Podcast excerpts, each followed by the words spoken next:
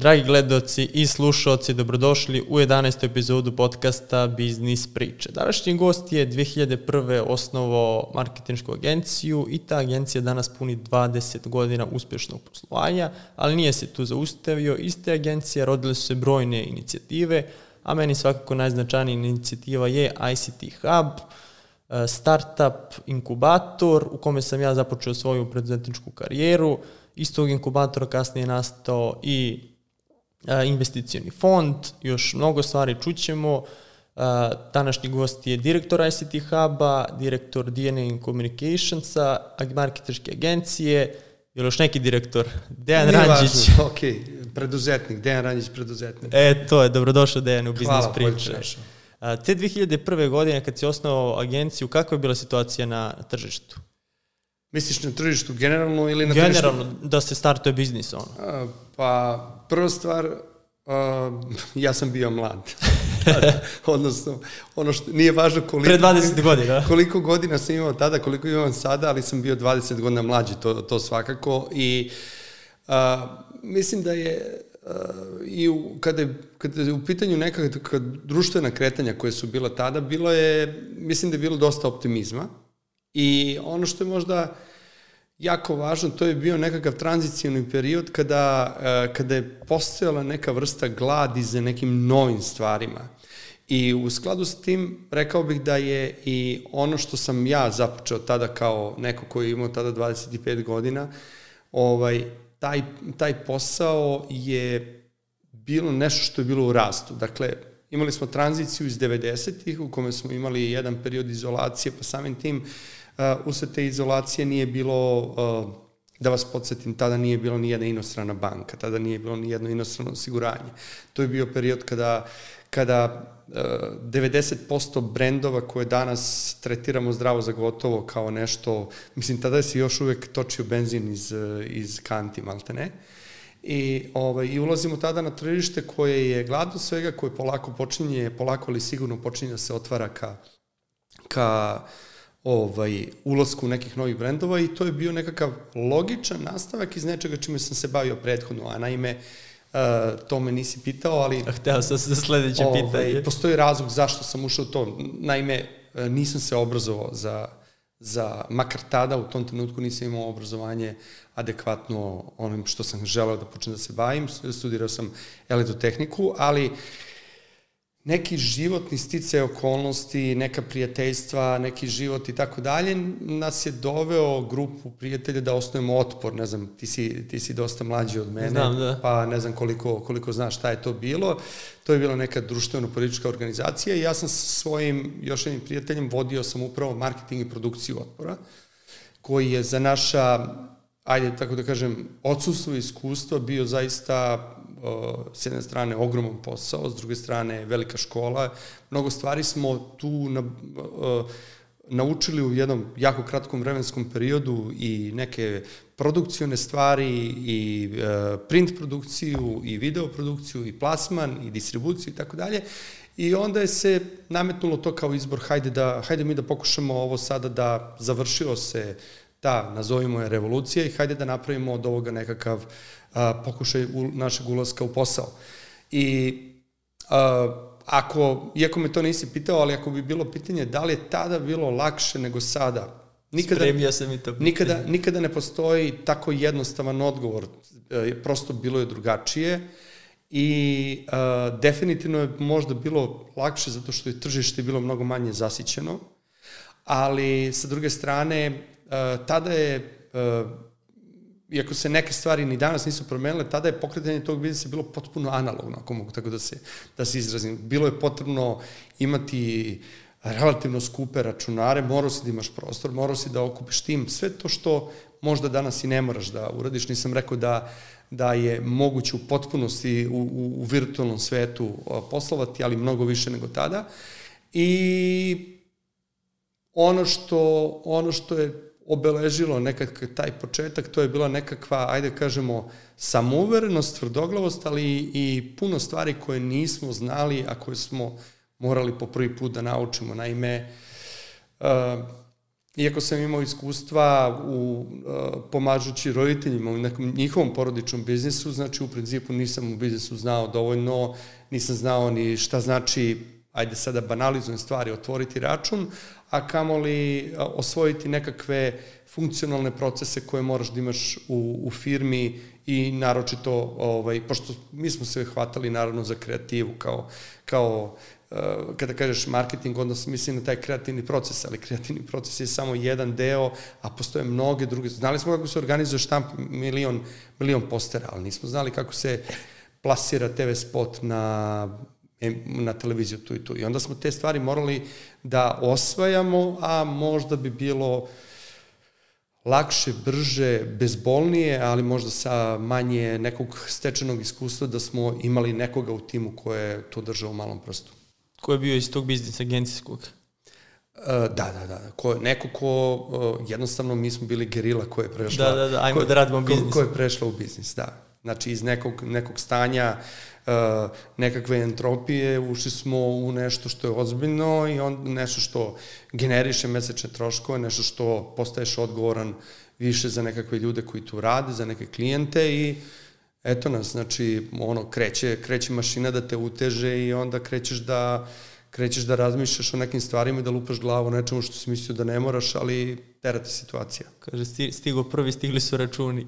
A da, da, da. Htio sam te pitam baš za koje si znanje imalo, već si mi odgovorio na... Pa imali smo znanja, naravno, uh, s jedne strane, ono što vrlo često ponavljam, uh, niko ne osniva firmu sa, sa 10 ljudi. To, tak, ja, ja makar za takav slučaj ne znam sem, za slučaj kada nekakav kompletan tim izlazi iz neke firme i, i Kreću u novo, da. Kreću u novo, ajde, ružno da kažem, tako što je ukrao nešto iz firme, takvi slučajevi ima, ali ako pričamo o nekom standardnom preduzetništvu, uvek je to mali tim. I, i kad kažem mali tim od nekoliko ljudi, tako je bilo i u našem slučaju, tako i u svim slučajevima. Znači, prosto preduzetnik na početku karijere, on nema mogućnost da oformi tim sa svim funkcijama i da krene odmah ovaj, eh, na, na sa nekakvim vrlo, vrlo jakim startom.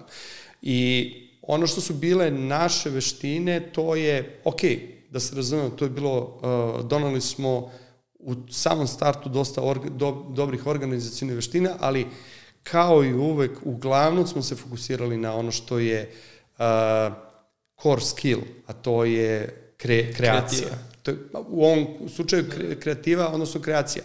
Neko ko, ko počinje, ne znam, nija proces proizvodnje čaša, on će se vjerojatno primarno fokusirati na to kako da proizvede dobru čašu.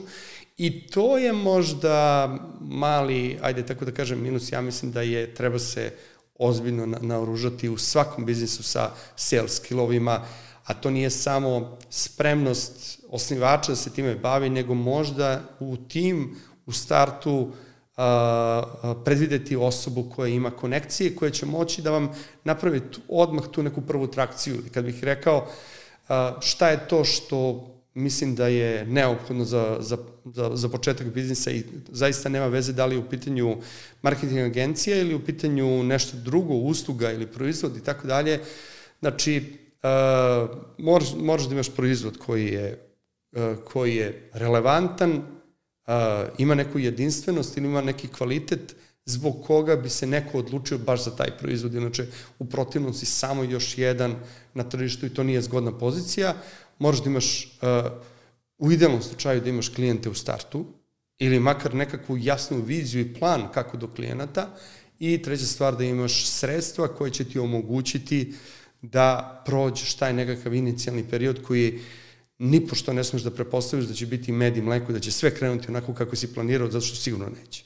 Kreće kinta odbog, ono prvo pa, meseca. Pa, pa, znaš šta, uh, kada kreneš, kada, kada si u nekom preduzetničkom uh, startu, znači, uh, u principu ljudi sa kojim, kojima radiš u nekom uh, uopštenom slučaju su miks s jedne strane nekog partnerstva, s druge strane ljudi koji su, koji su tu zaposleni. I koliko god tu da ima entuzijazma, ukoliko nema novca, taj entuzijazam će vremenom da pada. A, nije poenta jedne, da ne pričamo o situaciji da svakako nije poenta da ne plaćaš ljude i početak poslovanja nije izgovor da ti ljudi rade džab. To prosto neće ljudi to raditi Ali sa druge strane i ti koji tu radiš, a, i to je vrlo česta greška preduzetnika, to je da oni ne vide svoju platu kao nekakav sračunati trošak, kao to je moje. Pa ne radiš ti to da, da, da od toga ne bi živeo. A, naravno, uspeh preduzetnika se meri u uspehu preduzetničkog pokušaja, a, preduzetničkog projekta, realizaciji i rastu toga. Ali neispravno je reći, a usput ti nećeš imati primanja, platu i tako dalje i vrlo, ljudi, vrlo često ljudi to ne kalkulišu i na taj način prave grešku ili, ili sad izvini što skačem na neku drugu stranu, ali velika fama je takođe i, i partnerstva kod nas u preduzetništvu.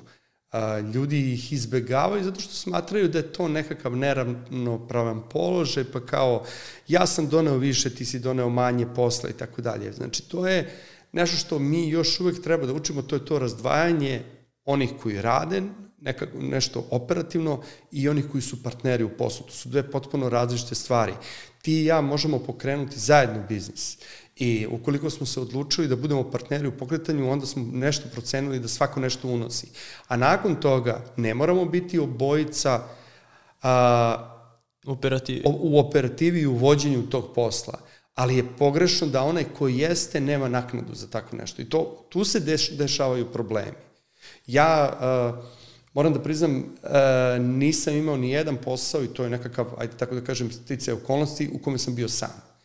Uvek sam uh, imao uh, partnera u, u, u poslovanju i nisam uvek imao partnera koji, koji, koji je operativno u poslu. Ali sa tim nikada nisam imao problem zato što je upravo postavka bila takva. Niti sam ja a, mog partnera u poslovanju ako mogu tako da kažem, okrivljivao što on nema aktivnu ulogu, niti su moji partneri uh, imali problem neki sa tim da ja imam platu, da oni nemaju platu. Znači, ako svi partneri nisu operativni, to znači da mi radimo za nekakav rast poslovanja ili za neku dividendu iz profita koja se može stvoriti.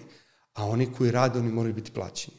I to je Nemali broj puta sam video i u nekim ugostiteljskim biznisima i skoro u, nekoj, u nekoj relativno strukturiranoj firmi koji ima sada već i e, dug vremenski staž i zavidno poslovanje, da ljudi se trve oko toga da neki partner nije doprineo u istoj meri kao neki drugi, što je zaista preva, trebalo bi da bude prevaziđena stvar. A šta taj partner treba, to jest i može da, da unese u taj deal da bi ono bili sad partneri, ne mora ravnopravno, ali... Da bi Sad ti ja krećemo... Da bi ti i ja bili partneri, mi treba da se složimo da smo jedan drugom potrebni. I sada, a, veliki je raspon zašto ću se ja odlučiti da ti meni budeš partner i zašto, zašto ćeš se ti odlučiti da, da ja tebi budem pa, partner u pokretanju nekog, nekog uh, novog posla. Uh, tipa, uh, u nekakvoj srazmeri u skladu sa, sa učešćem u firmi unećemo novac. To je opcija 1. Opcija 2, ti ćeš uneti neki prostor ili neku opremu ili neki know-how, a ja ću uneti nešto drugo od onoga što je potrebno. Zato što na kraju krajeva kada pogledaš šta ti je, da se vratim na ono što sam rekao pre pet minuta, šta ti je potrebno u idealnom slučaju da pokreneš firmu? Potreban ti je novac, potreban ti je skill, odnosno proizvod, odnosno ljudi i, potreb, i potreban potrebno ti je tržište. I to je što to je ono što u maksimumu partneri unose. Znači, ili unose neophodna sredstva, ili donose neke klijente, to je nekada ekstremno dragoceni element za partnerstvo. Znači, ti i ja pokrićemo posao i ja donosim, ja donosim već spremnog klijenta koji će nam omogućiti sjajan start. To je već vredno nekog partnerstva. Da li Da li je to vredno equal partnerstvo? To je sada neko drugo pitanje. I treća stvar, možda ti kao moj partner, ja imam novac, ja imam, ja imam klijente, ali ti donosi čitav tim. Radili ste zajedno u nekoj prethodnoj firmi ili, ili, ili u tvojoj firmi i ti unosiš taj tim koji će zapravo da nosi kreiranje proizvoda tog ili usluge koju, koju radimo. Tako da, ne može se, ne može se rastumačiti na nekakav precizan način, znači par, partner treba da unese ovo ili ono treba. Partner unese nešto što je, što je toj firmi važno. A onda nakon što unesemo, mi smo na taj način se definisali da li ti imaš da li smo equal partneri pa imamo 50-50% firme ili u nekom drugom procentu, a nakon toga sledi realizacija u kojoj jedan i drugi partner i treći i četvrti učestvuju ili ne učestvuju. I to je potpuno neka druga stvar. Naravno, kada je firma u nekom samom startu, ne mogu te stvari da se postave, jer vrlo često ljudi žele da od nečega što je na samom početku, da, da uspostave jedan strukturirani sistem u kome se tačno zna šta ko radi, pa ću ja da uradim do ovde, onda ću predam tebi, ne, to nije moguće. Treba težiti strukturiranom sistemu, ali kada ste preduzetnik na početku, morate da se, e, budete spremni da ćete morati da, da budete neka vrsta multipraktika. Upravo zbog onoga što sam rekao malo pre, niko nije osnovo firmu od starta koja ima 20 zaposlenih, a to kad kažem 20 zaposlenih, to je neka paradigma strukturiranog sistema koji ima svoju funkciju i tako dalje. Ti sada uh, Uh, ne znam, nisam te pitao koliko je vas u ome, da li si sam ili ne, ali sada kada, bi, kada, kada razmišljaš verovatno o rastu svog biznisa, onda verovatno razmišljaš i o nekome zaduženom za svetlo i o nekome zaduženom za kameru i nekome zaduženom za postprodukciju i za montažu i tako dalje i to je neka vizija strukturiranog biznisa kojim se baviš ili sam ne možda nešto omašio, ali to je, to je. dobar je primjer.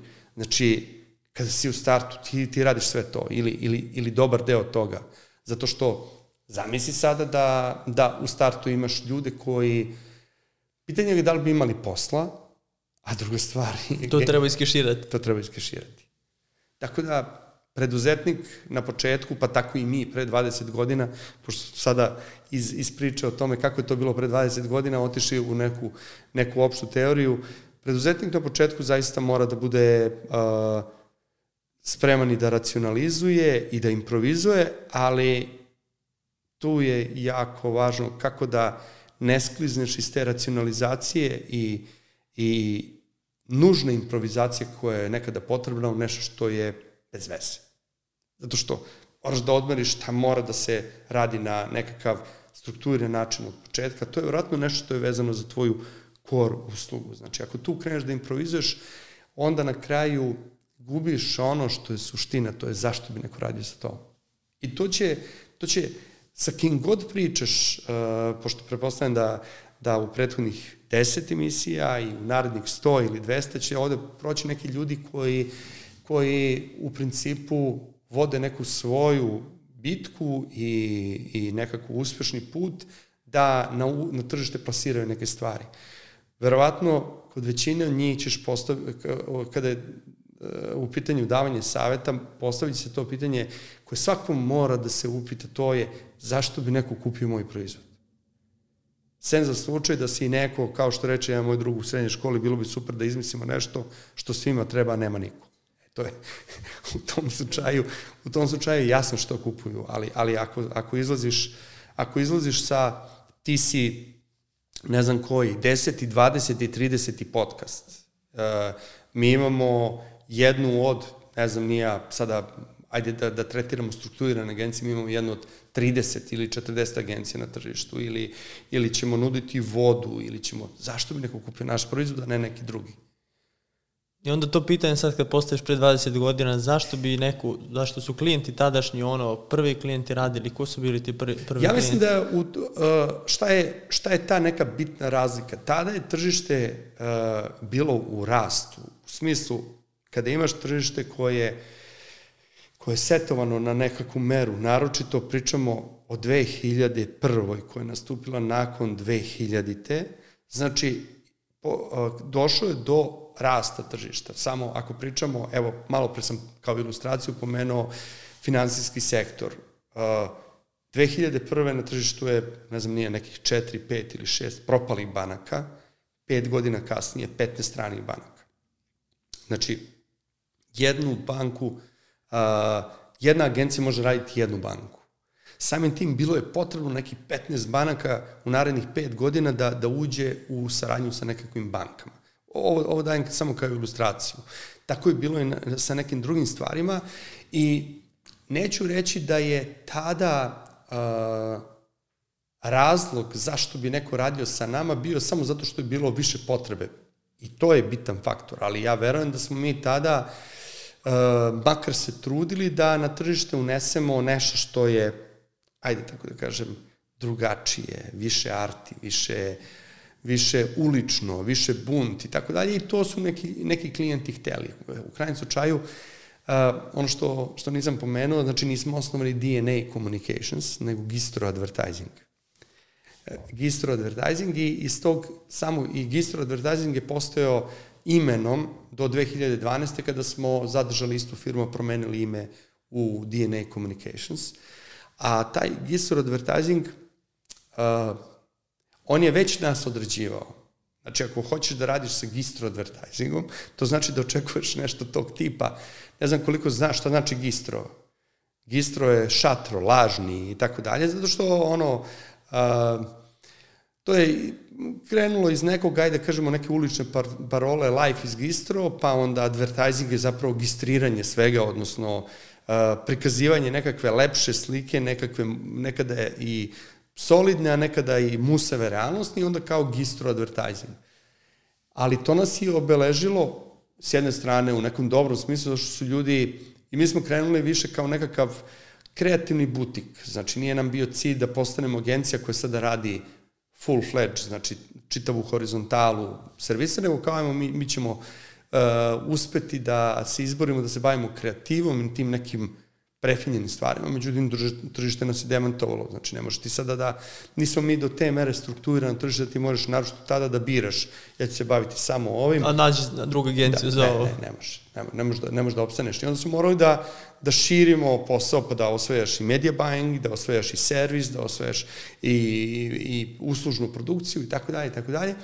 I onda je postao problem, zato što iz nekog probitnog, nekog funky statusa gde ti loviš neke kreativne poslove, ti sad moraš da hraniš tu mašinu sa, sa nekim većim poslovima, a makar ja sam imao utisak, uh, iako sam taj gistro nosio u sebi, znači uvek bi bilo kao jao, mnogo simpatično i tako dalje, ili neki drugi, neki ne znaju je kao, pa šta vam to znači gistro, ali oni koji, koji razumeju kao jao, baš super fora, ali uh, da li ste, da li, da li, da li ste vi, da li, da li ste vi dovoljno ozbiljni da vi, mi vama poverimo sve ovo što planujemo poverimo, poverimo. I onda, kako vremenom rasteš i onda, onda, ne znam ni ja, iz poslova koji su vredni nekoliko hiljada evra, pređeš u poslove koji su vredni nekoliko desetina hiljada evra, pa onda pređeš u poslove koji, koji su vredni nekoliko stotina hiljada evra, a onda a onda počnete gledati nekim drugim očima, jer kao nije ovo više nekakva zezancija, sada vi se starate o našem brendu, vi se starate o našoj prodaji, vi ste neki gistro advertising, jeste vi neki ludaci.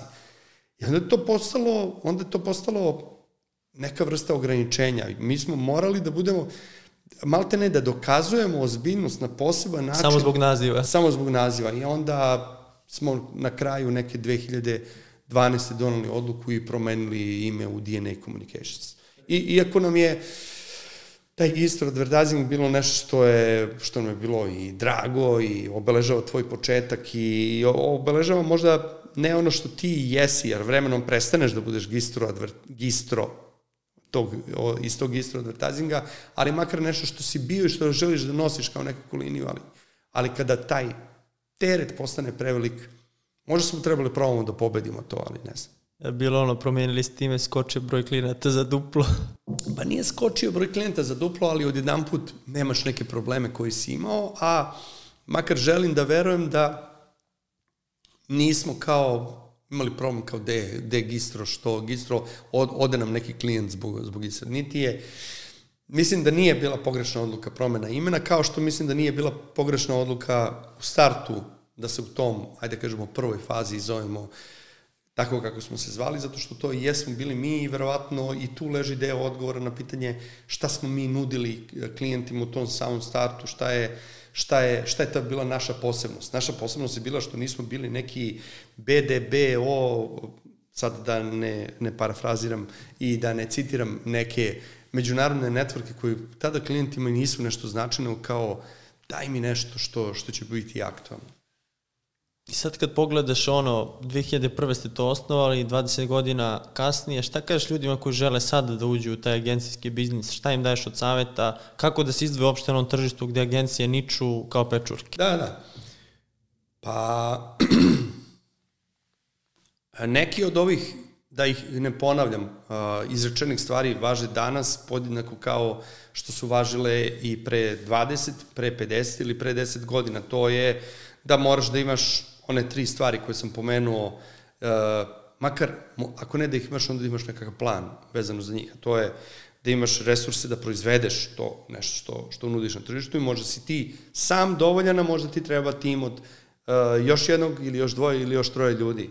Druga stvar da, da imaš tržište ili makar da imaš ideju ko ti je tržište i kako ćeš doći do, do tih klijenata i treća stvar da imaš neki keš koji je neophodan da, da opstaneš. Ali sa druge strane, još važnije od toga je ono što smo ovo rekli, to je, to je zašto neko da kupi tvoj proizvod.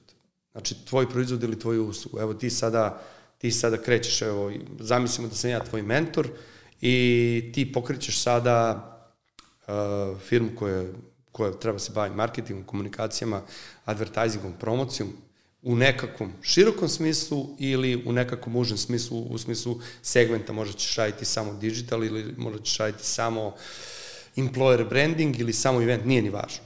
I sad, moramo da ti i ja, ako sam ja tvoj nekakav savjetnik, mentor ili šta već i ti, ako si neko ko pokreće biznis, mora da imaš odgovor na pitanje zašto će neko kupiti od tebe. Zato što ti imaš na tržištu danas uh, nekakvu šumu od nekakvih, dajem primer, stotinu klijenata potencijalnih ili, ili hiljadu potencijalnih klijenata i ti imaš jednu od, od raznih strategija, ali nave, navešću primer. Jedna, jedan primer je ti ćeš napadati klijente koji već rade sa nekim, ili tako? Daj mi odgovor zašto će raditi sa tobom, odnosno još da budemo precizni što će prestati da rade sa onim sa kojim rade da bi počeli da rade sa tobom. Ili druga stvar, napadaćeš one koji ne rade u ovom trenutku ni sa kim. Ali tako, to je isto mogućnost. Napadaćeš firme srednje veličine koje još uvek nisu imali uspostavljenu saradnju sa agencijama, zato što na taj način ne treba pobediš konkurenciju, ali na taj način treba pobediš njih. Odnosno, zašto bi se oni odlučili da pređu iz tog statusa nesaradnje sa bilo kim u saradnju sa nekim i to baš sa tobom. I to je, pogotovo kada se to ukrsti sa onom, onom uh, situacijom koja i dan danas postoji, a to je svi žele da vide neki rezultat, kao da, jer o čemu se radi? Ono što, što je savet svima, ljudi ne kupuju tvoj proizvod. Ti ćeš sada nekom ponuditi advokatsku uslugu, uslugu osiguranja, uslugu marketinga, pričamo o business to businessu, a slično je i prema krajnjim kupcima, ali sada pričamo o business to businessu. Uh, moji klijenti najradije ne bi imali marketing agenciju.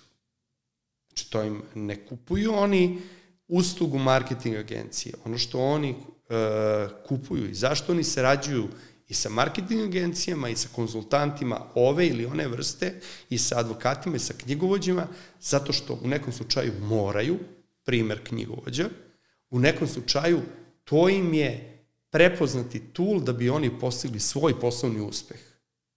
Znači oni, oni ne žele da, da, da troše, ali oni u nekom slučaju imaju procenu da trebaju da sarađuju sa nekim, da potroše neku količinu novca, nekih resursa da bi postigli bolji poslovni rezultat. I to nikada ne treba zaboraviti. Vi njima ne prodajete svoje usluge, vi njima dajete mogućnost da oni postignu neki svoj poslovni cilj. E, tu leži nekada, kada je, pop, dosta je i na, na online-u nekakvih saveta kada, kako, kako pičirati nekoga, kako prodati uslugu, kako i tako dalje, tako dalje. Ljudi najčešće kreću uh, pričom o sebi. Evo, mi smo sada kad bi ja sada te, te uh, bio na piču kod tebe i sad ja krenem sa pričom, mi smo advertising agencija, postojimo 20 godina, imamo toliko i toliko ljudi, uh, takvi su, šta me... Gde, gde sam tu ja? Šta me briga? Znači, uh, ok, moraš da se predstaviš, moraš da, da uđeš u razgovor sa, sa tim da kažeš ko si, ali u principu taj je tebi poklonio tih 5 minuta ili 35 minuta pažnje da bi čuo šta ti možeš da uradiš za njega ok, kada kažeš u nečemu od ovoga što sam malo preiskarikirao, leže neki podaci iza njega. Ako kažeš da postojiš 20 godina, možda tu ima neke relevantnosti u smislu da nisi neko ko je juče nastao i prek sutra će nestati. mada niko ti ne garantuje i nakon 20 godina da nećeš prekosutra nestati. Ali sa druge strane, ti ne daješ ono zbog čega te on tu sluša i dao ti je šansu da ga, da ga kupiš. Znači, ono, gađe ga tamo da je njemu važno, zbog čega on tebe... I, i tu, da se vratim sada na tvoje pitanje koje je postavljeno pre 7-8 minuta, sva što smo rekli nakon toga, to je šta je savet, to je o, nađite taj svoj unique proposition, odnosno probajte da odgovorite na pitanje zašto će neko kupiti baš tvoju uslugu. Možda će kupiti tvoju uslugu zato što u početku ti imaš ujku tamo, strica tamo i ne znam, nije brata od tetke na nekoj poziciji, oni će ti dati posao i to će ti omogućiti da izgradiš nekakav dobar case i posle će ići lakše. Ok. Da li mi se takav pristup dopada? Možda ne, ali on je, on je moguć. Neću reći legitiman, ali, ali moguć i može da funkcioniše. Ali morate da imate odgovor na pitanje, kao ja ću izaći na tržište i svi će da pokrle za mnom. Može. Ako si sam, nema Može, nekog... ako je u pitanju 2020. mart i imaš maske za uh, ove maske za lice. Sada već, evo sada godinu dana kasnije, svi imaju maske. Počnemo mi da uvozimo te maske, što bi neko kupio od nas? Znači moraš da imaš nekakav, nekakav parametar. U namenu izbegavam da kažem zato što ćeš biti najjeftiniji. Znači, zato što to je, to je ono... Uvijek može neko bude jeftiniji. Da, uvijek može neko da bude jeftiniji i ako ti je to, ako ti je to nekakav, ajde, ka, tako da kažem, a, tvoj, neću reći argument, nego tvoja ta vrednost koju unosiš, strava je ukoliko si smislio neku novu tehnologiju koja ti omogućava da budeš jeftiniji. Ali ako radiš na tradicionalni način, a E, pokušava se probiješ na tržištu da si jeftiniji, skoro sam siguran da ćeš vrlo brzo propasti. Zato što, ponavljam, sem za slučaj da si uh, uneo neku inovaciju i sada, za razliku od drugih, ti nemaš neki trošak i zato možda budeš jeftiniji, to je onda sjajna pozicija. Ali ukoliko ti je, radiš sve isto kao drugi, a samo ti je cilj da budeš jeftiniji, to je, ideš sa ulaziš na tržište sa dumpingom, što znači da govoriš nije važno šta ja radim, važno je samo po kojoj ceni vam dajem. To može da prođe ono kad prodaješ maske, ali za agencijski biznis i za nešto drugo... Postoji, postoji, uh, postoje biznisi koji na tržištu nude potpuno legitimno, nije biznis, mi možemo prodajemo na tržištu šećer, možemo prodajemo cement, možemo prodajemo brašno, možemo prodajemo pesak, I u slučaju takvih proizvoda, to je nešto što se zove commodity i to je nešto što u principu ima parametar, važni parametri u poslovanju takvim stvarima su za koliko ćeš mi isporučiti, koliko će koštati i koliko ćeš me čekati da plati. A to je zato što taj proizvod je skoro, čak i kod njih ima razlike, ali polazi sa toga šećer je šećer. Tako, znači ono sada kao koja je razlika. Pa i maske, ono i maska, maska. Je, maske. A kad je u pitanju nešto što u sebi ima duboko ugrađen konsulting i nešto što, što je upravo uh, trebalo bi da se razlikuje po kvalitetu, a ne samo po koliko košta i tako dalje, nastupiti i od njega napraviti šoder od, od, uh, od konsultinga je katastrofa. A to je nešto što na mnogim tržištima u mnogim segmentima našeg tržišta se dešava sa nekim stvarima. Ja bih čak rekao da kada je u pitanju kada je u pitanju ovaj, advertising, da smo blizu toga da, da posledamo kao da prodamo šoder. Kako se to ogleda?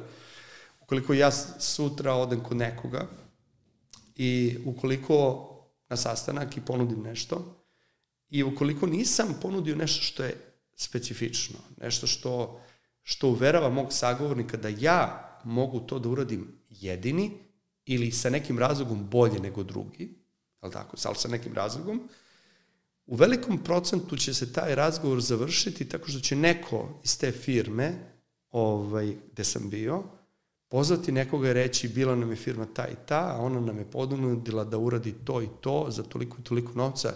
Šta vi nudite? Šta vi nudite? Što znači da se uopšte ne tretira da li je neko bolje, loše nego jedini parametar cena. I to je Šoder. To je, postali smo, postali smo skoro pa šoder. E sad, šta savjetuješ tu kod agencija? Specializaciju ili tu širinu, posebno u tom startu, da mi budemo sad doktori, ne znam, za kopi, za... Znam, znam, znam, znam šta me pitaš, ali, ali uh, ono što savjetujem to je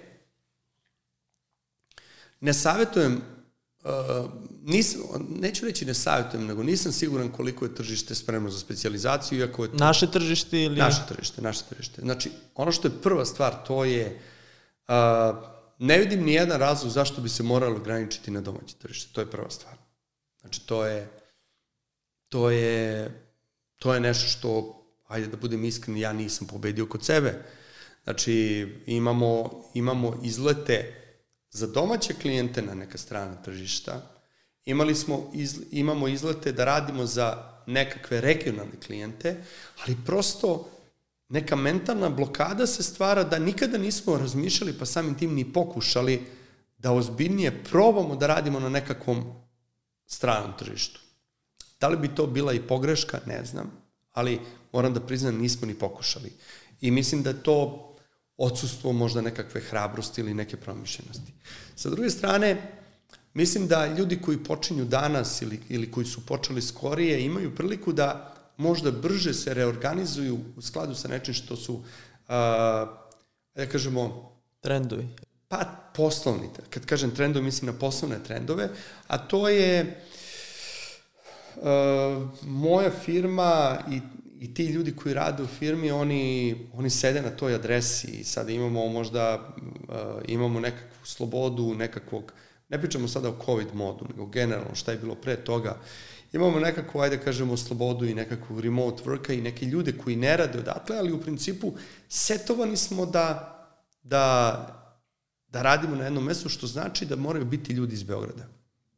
E sada, okej, okay, koliko da smo mi neki proizvodni pogon koji radi na nekim mašinama, onda bi bilo sasvim logično. logično. A sa druge strane, čak i kada je u pitanju neki segmenti naše firme, na primer, uh, client service koji se viđa sa klijentom, pa klijenti traže fizički kon, ne fizički kon, nego, nego uh, fizički sastanak i tako dalje, i to mora. Ali zašto, zašto copywriter mora da bude iz Beograda?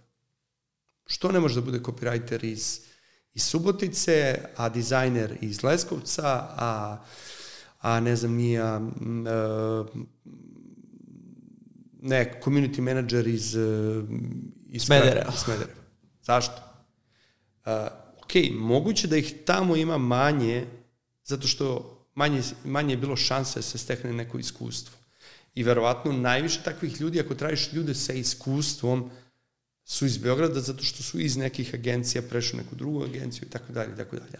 Ali ne zaposlujemo samo senior ljude, nego zaposlujemo nekada i junior ljude i zašto ne damo šansu sebi i tim ljudima iz čistog uh, sobstvenog interesa. Ne pričam ja sada ovde kao hajmo da pomognemo ljude uh, iz nekih manjih mesta se zaposle u, ne, u nekim atraktivnim zanimanjima. Znači, ok, super je i to ali skrajnje sebično, zato što trenutno najveći problem svakog preduzetnika je naći ljude. Znači, za ljude je tuča, zato što plaćamo cenu odlaska u, u ljudi u neke druge zemlje, sa druge strane, uh, budimo realni, u prethodnim godinama je bilo neki rast tržišta i što je važnije, dolazi do kanibalizacije nekih industrija od strane, strane nekih drugih. Konkretno, ja bih rekao da je advertising industrija pod udarom uh, software development industrije i sve više i više dizajnera, copywritera. Beži. Uh, pa ne beži, nego nego uh, dobijaju, odnosno software development firme su prepoznale da su advertising agencije dobri uh, rudnici, ljudi koji su ispečeni u nečemu što koji mogu kod njih da, do, da doprinesu, zato što uh, u jednoj već i ole većoj uh, software development firmi sada više ne sede samo programeri, nego sede i neki storytelleri, to su super da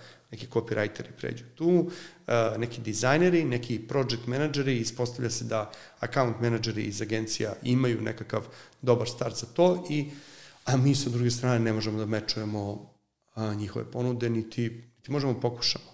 Tako da, dosta je, dosta je kritičan trenutak, a, s tog aspekta, što ga čini lepim, verovatno, odnosno, odnosno ovaj, čini ga izazovnim, ali vratit ću se, iako sada postajem sam sebi već dosadan, vratit ću se na onu osnovnu suštinu, to je šta vi nudite, a što ne, ne nudi svako a, na tržištu, bez obzira da li stvarno je sposoban to da ponudi ili je samo sposoban da kaže da to može ponuditi. I sad, koliko se agencije posebno kod nas kriju iza te kreative, a kad dođemo do rezultata, pa znate, mi smo, naša reklama je osvojila nagradu na tom i tom konkursu, ali rezultata nema. Koliko se kriju iza tog art dela? Dobro, ajde da, uh, mi nismo, mi nismo agencija nastrojena ka, ka toj, ajde, ovo nisam ja rekao, ali vrlo često se kaže na tržištu, kreativnosti kreativnosti radi. Okay. Uh, ali bilo bi zaista neispravno reći da, da reklame koje na festivalima dobijaju nekakve nagrade, da one već po defaultu ne rade. Iako nekada u tome ima istine, da nešto što, što je kreativno, kreativnom svetu nema toliko dobar uticaj, zato što a možemo reklamni biznis i advertising posmatrati kao neku vrstu umetnosti. A sa druge strane, možemo ga posmatrati kao klasičan supporting servis nekoj, nekoj osnovnoj delatnosti sa ciljem da napravi brand recognition, da drži nekakav brand awareness i sa druge strane, što je mnogo važnije, to je da pomogne toj firmi, tom brendu, da osvoji određeni deo tržišta u prodaji tog nekog proizvoda ili usluge. E sada, zavisnosti od toga šta je od ovih lepeze ciljeva. Nekada će nešto što je više arti biti mnogo više adekvatno za podizanje brand imidža, a nekada je se moglo mnogo više ranije nego danas da se ulaže u brand imidž od koga se ne očekuje odmah da vrati u prodaju. Nažalost, ja ne pamtim kada, je, kada sam video na našem tržištu brand image kampanje, a da nije u pitanju neka velika statusna promjena. Moja firma je kupila tvoju i onda sada brand image kampanja. Mi smo u modu product kampanja koje imaju za cilj da kampanju isprati prodaja. Na neki način održana ili povećana. I u skladu sa tim, a, postoji nekada unutar uh, firmi naših klijenata neka vrsta tihog rata između onih koji sarađuju sa nama i onih koji su zaduženi za, za prodaju.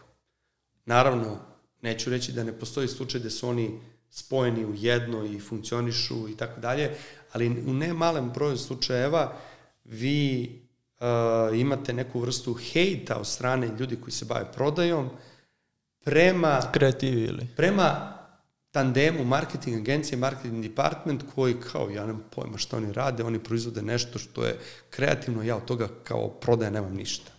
E to je onda već postaje, postaje problem, zato što a, zapravo ovo što si pitao to govori da li ima prostora kreativnosti ukoliko ona nije upucana da pumpa prodane rezultate. Ja bih rekao sve manje i manje. Da, sve manje i manje, zato što, zato što prosto uh, trenutak je takav da kod svih na tržištu, pogotovo taj nekakav strah od krize koji se desio, koji se, od krize koja se desila prošle godine i od toga šta će, šta će se desiti u narednom periodu, znači svi jure prodaju. Održavanje pozicije na tržištu i tako dalje. I tu ne smemo da odemo ni tu drugu krajnost, da, da se zanemari brand, da se zanemare ti atributi, ali definitivno, iako ovo je nešto što je na korak do svetogrđa kada je u pitanju advertising, brand više ne prodaje onako kako je prodavao ranije. Naime, mi smo, mi smo debelo prešli već put iz brand centričnog preko customer centričnog da bi sada ono što diriguje šta će se prodavati, to su nekakve, to, to, su, to su potrebe ili problemi krajnjeg potrošača. Naime, uh, uzmemo primer ponovo koji sam malo pre rekao, neko, neko osiguranje ili neka, neka banka. nekada je brend osiguranja prodavao sam, sam priču.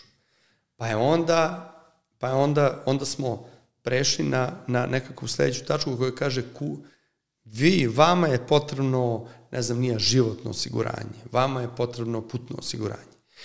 Čak sada smo prešli sa toga da vama je potrebno da otklonite rizik da vam se na putovanju desi nešto neželjeno, a da ne budete pokriveni da, da vam neko pokrije te troškove. Znači, moramo da dođemo, prešli smo iz toga da je bilo dovoljno uzviknuti ime osiguranja, do sada da moramo da potpuno, uplašimo malo. Pa ne da uplašimo, nego da potpuno ribandlujemo do ono posljednje tačke zašto tebi to treba. Ne treba tebi kredit da bi uzeo kredit.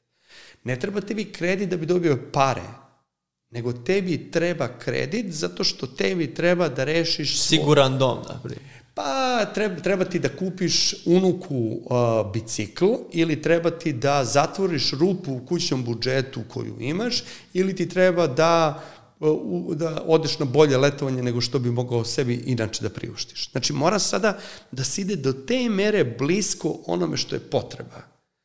I sada Zašto ovo, ovo me pričam? Kada moraš da se spustiš toliko duboko u potrebu ili problem potrošača, teško da možeš i da ideš sa brendom. Znači ti praktično nisi podigao haubu samo, nego kopaš po motoru. Kapiraš? Zato što u protivnom kao, ok, sve je nekakav, nekakva puka tvrdnja. I onda sada, ako ideš na, jer šta imamo? S jedne strane imamo tržište u kome, u kome je sve u nekakvom akcijskom modu. Evo, sada idi u Maxi, Rodu, Ideu i tako dalje i sada ti kupuješ neke proizvode, nema šanse da neko iz te kategorije nije na, na akciji. Kupuješ, ne znam, nija ti... Uh, vodu, kafu. Vodu, kafu i tako dalje. Jedna kafa je sigurno na akciji. Pa će sledeće nedelje biti druga, pa će sledeće nedelje biti, biti... Crvena slova. Biti treća i tako dalje. I sada, imaš s jedne strane non stop akciju, s druge strane imaš, moraš da, da tangiraš potrebe, teško tu brand brend e, mora da bude dovoljno jak, mora da bude netaknut, ali mora da se ide dublje i dalje i tako dalje. I sada, e, šta je nekakva, nekakav atribut nekoga ko sada, ne znam, neću te pitati za godine, mada mogu, nisi, nisi devojka, ovaj, ali šta je, šta je tvoja, šta je tvoja, naprimjer, prednost u odnosu na neke agencije koje, koje, koje vode neki ljudi od kao što sam ja ili u nekom slučaju stariji ili malo mlađi, uh, ajde da krenemo od prepostavke koju bi ti morao da potvrdiš i to je možda nekakav ugoj specializacije. Ja verujem da, da ti bolje razumeš ljude tvoje godine nego ja. Kapiraš?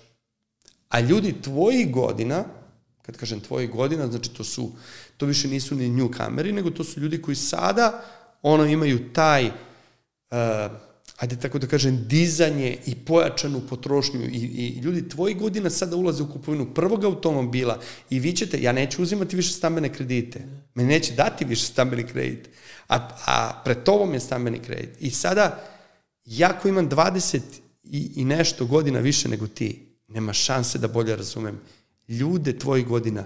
I tu možda leži nekakva mogućnost, ako pričamo o kreativnom biznisu, šta može biti ta ona jedinstvenost, kapiraš? Zato što ta, ne, ta nekakva prednost. Ne, ne plediram da dam savet kao specijalizujte se za ljude koji su 20 do 30 i to nudite tržištu. Ali to je, to je logično, zato što kad kažem logično, logično je da, da neko prepozna u vama, ali s druge strane morate onda da mu otklonite neke probleme, aha, da li ste vi dovoljno ozbiljni, da li ovo, da li ono, i ono što je najvažnije od svega, da mu, da mu ne ponudiš svoju uslugu, nego da mu ponudiš njegov uspeh.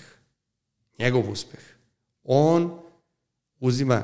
Ja sam danas ovde s jedne strane da bi da bi ovaj eh, neko čuo nešto korisno, nadam se, ali sigurno sam ja ovde danas i da bi nešto promovisao sebe, al tako?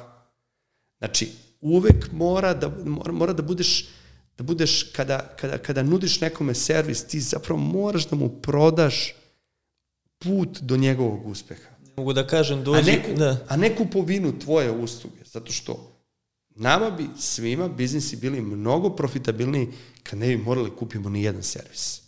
Kapiraš? Kada ne bi morao da plaćaš struju i kada ne bi morao, kad bi, kad bi radio... Ne znam, se preselimo na Kosovo, a? pa dobro, nisam to rekao, ali, ali kada ne bi morao da imaš ni knjigovođu, kada ne bi morao da imaš advokata, kada ne bi morao da imaš agenciju, kada ne bi morao, bilo bi mnogo profitabilniji. Samim tim, čim to radimo, to znači da u tome vidimo neku neophodnost da bi došli do nekakvog uh, ili da bi zadovoljili neku zakonsku normu ili s druge strane da bi došli do nekog uspeha. Jer u protivnom, što bi neko sarađivao sa tom? A nije ti neophodan ili... Nije ti ujka pa, pa, ti, uh, pa ti vraća porodičnu ovaj, zaduživanje. Kad kažu imamo marketing budžet za ovaj mesec toliko i toliko, ako je taj marketing dobar, ako on pravi novac, zašto ograničavati ono? Postoji to ono kako je dobar taj marketing, zašto postoji marketing budžet? Hoćeš da kažeš uh, zašto marketing budžet nije, nije vezan za, za uspeh? Pa da. Pa zato što nije vezan za uspeh. Eto.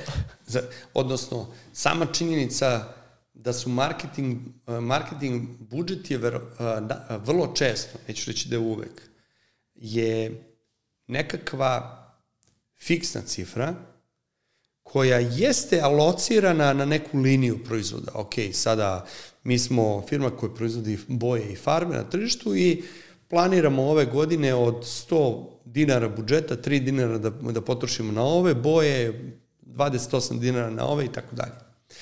Ali uh, vrlo često to nije povezano sa nekakvim vrlo jasnim KPI-ima, zato što to svi izbegavaju. Zato što, jer, što, što mogu i da razumem, znači sada ti si marketing department, ja sam tvoja agencija i sada neko ti kaže, ok, tvoj, uh, tvoj budžet će biti toliko i toliko procenata od prodaje, na primjer. To je potpuno legitiman način. Na primjer, ne znam, nija, tvoj marketing budžet za, ovo, za ovaj proizvod će biti 8%, 3%, 12% od, od turnovera koji se, koji se ostvari. Ali sa druge strane, ne može marketing ili ti advertising da proda proizvod. Šta je naš posao? Naš posao je da generišemo lead ili ti u prevodu da do prodaje dovedemo zainteresovanog kupca.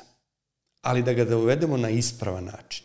Znači da ga ne dovedemo u zabludu i da kada on dođe da kupi da se on demistifikuje, da se proizvod demistifikuje i kaže pa vi ste mene prevarili, vi ste mi rekli da će biti ne znam nija nešto belo, a ono je zeleno. I ja neću da kupim zeleno, znači prevarili ste me. Znači da ga ispravnim i ne lažnim lidom dovedemo do procesa kupovine. E onda, ne možemo mi biti odgovorni ako je, dozvolit ćeš mi da, da ilustrujem ukoliko je prodajna mreža loša. Ukoliko... Ili proizvod jednostavno sranje. Pa jesmo odgovorni zato što nismo smeli da... da prihvatili ste, a? Prihvatili smo i, i e, ti možeš da, da, da, da uh, u advertisingu je dozvoljeno da, da malo da boostuješ određene karakteristike proizvoda. Međutim, ukoliko proizvod ili uslugu koju, koju, koja se nudi na tržištu učiniš do te mere atraktivnijom nego što ona jeste, to, da, da si već prešao liniju i dovodiš kupca u zabudu, to, to, to je nešto što će se vratiti kao bumerang i tebi, a, a naročito onome ko, je, ko, ko prodaje to. Znači, ja mogu sada da, da zanemarimo šta, šta je zakonski dozvoljeno ne, ali sada ti si neki internet provider, I sada mi smo otkrili nekakvim istraživanjem tržišta da je jedan od osnovnih painova kupaca korisnika interneta nestabilna konekcija, dajem ti primjer. I sada mi, otkrivši to, boostujemo i promovišemo tebe kao internet provajdera kao najstabilniji internet na tržištu i tako dalje i tako dalje. I navedemo ljude da, da pređu kod tebe, zato što misli da je kod tebe najstabilniji, a imaju problem ovom. A tvoj isto nestabilan ili, ili, ili još gori od drugih. Znači, to je, pobećiš ti kupci i još imaćeš negativnu reputaciju, a u nekim drugim slučajima čim vide tvoj proizvod neće, znači ti onda si potrošio pare, a nisi dobio onaj rezultat zbog kog si, zbog kog si trošio taj novac, odnosno to su novi klijenti. Ili ćeš ih dobiti kratkotrajno, a onda će ti šteta biti i veća nego što, nego što, je, što je bila pre toga. Tako da, tako da smeš ti da, a, ok, u advertisingu su dozvoljena blaga, ja, ajde, kolokvilno se izrazim, blaga preuličavanja, pa čak možda ni to, nego potenciranje određenih osobina proizvoda koji su u skladu sa onim što su potrebe krajnjih kupaca i da li je to dovođenje u zabludu?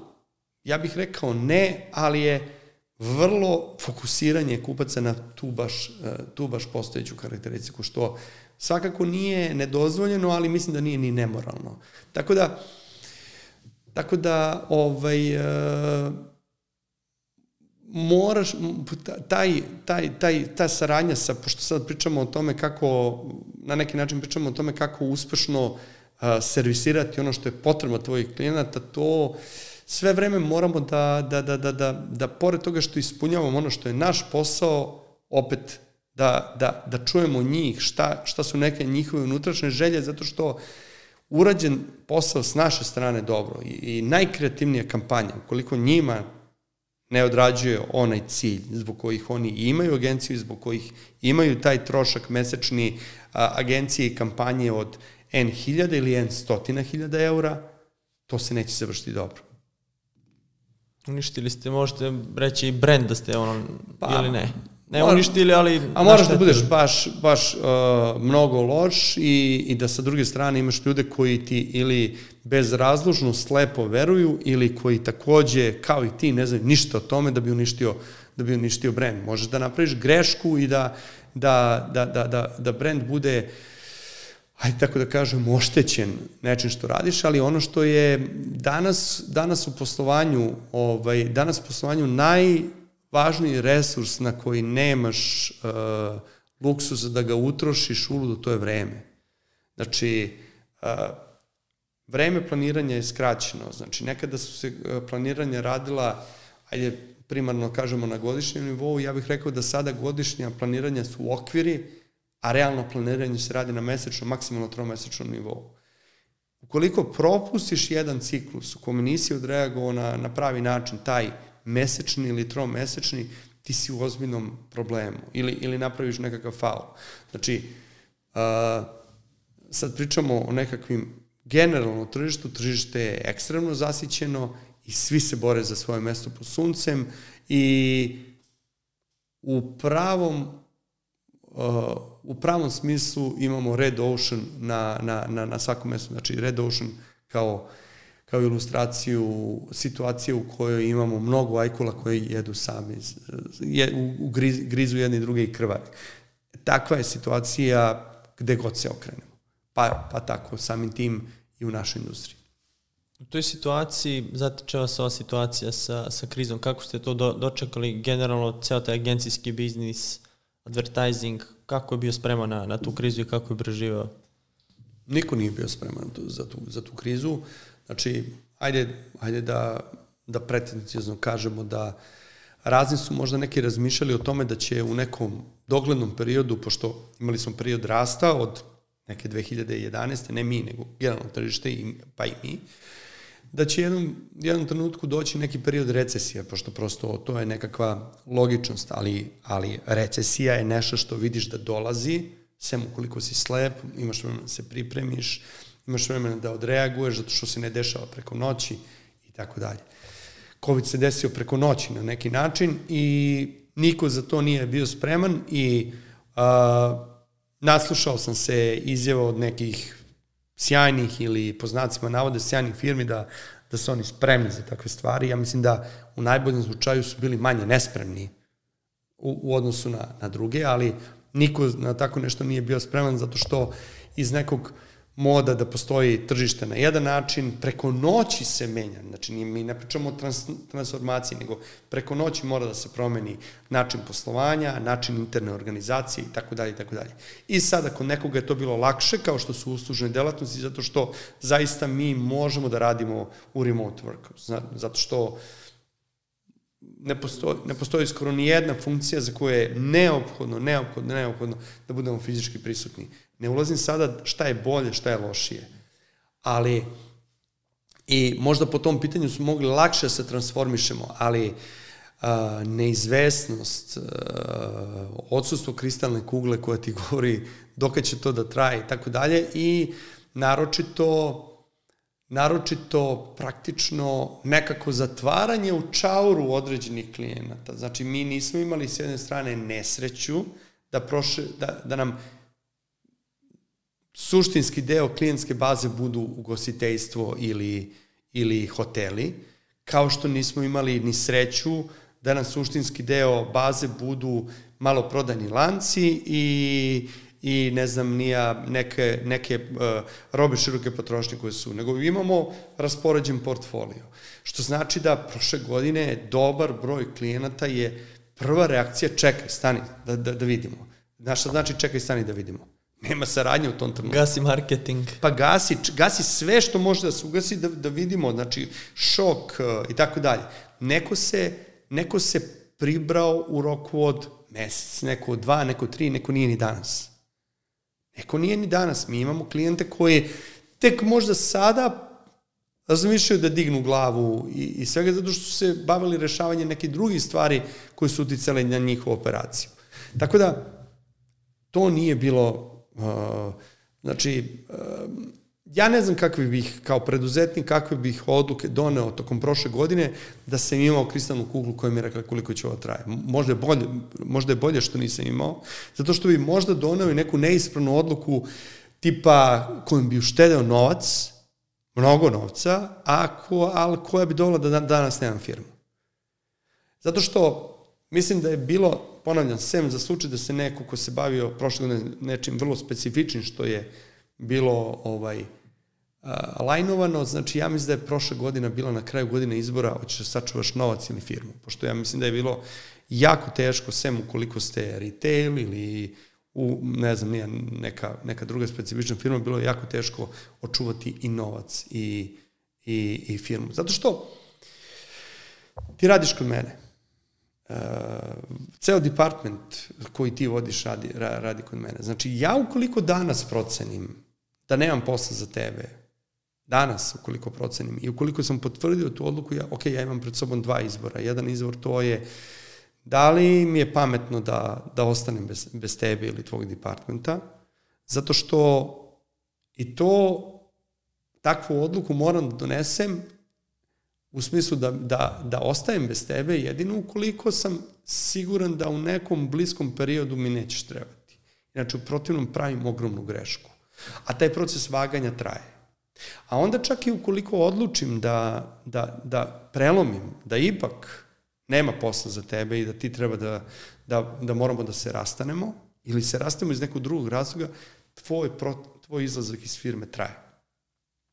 Postoji neki ugovor o radu, postoji otkazni rok, postoji godišnji odmor koji ti treba da iskoristiš i tako dalje. Šta hoću da kažem?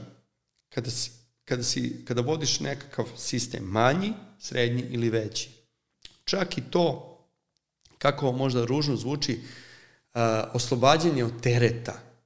Ružno zvuči zato što ljudi nije, ne bi trebali da budu teret, nego, ali, ali ajde kažemo, uh, racionalizacija, to se tako, ajde, lepše, lepše, lepše zvuči, ona ne može da bude preko noći. Znači, čak mogao, mogao bih reći da akvizicija novog čoveka, znači sada ukoliko ja detektujem da si da neko tvog, nekog profila tog i tog uh, je potreban firmi, akvizicija novog čovjeka traje 2 do 3 meseca, od trenutka kada se detektuje potreba do trenutka kada on može da krene da radi onaj posao.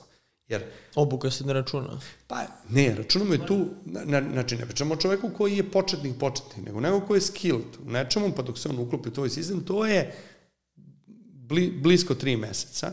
Od trenutka kad kreneš da ga tražiš, nekada nemaš sreće pa ne možeš nađeš čoveka ni pet meseci. Nekada to nije tri, nego dva meseca zašto si ga našao prvog dana. S druge strane, proces izlaska čoveka iz firme od dana detekcije da on, nažalost ili na sreću, više nije potreban, traje mesec do dva. Vrlo često i, i dva meseca, zato što moraš da pustiš da se završi neki proces. Ok, konstatovali smo da, da da ti ideš iz firme, pa onda čekamo da završi neki posao u kome se trenutno nalaziš, neki projekat, pa onda dok iskoristiš godišnje, to je, to je dva meseca. Tako da, Prošla godina je po tom pitanju, znači nije bila moguća promptna racionalizacija, a desio se promptni problem. I samim tim ti kasniš, plus vagaš.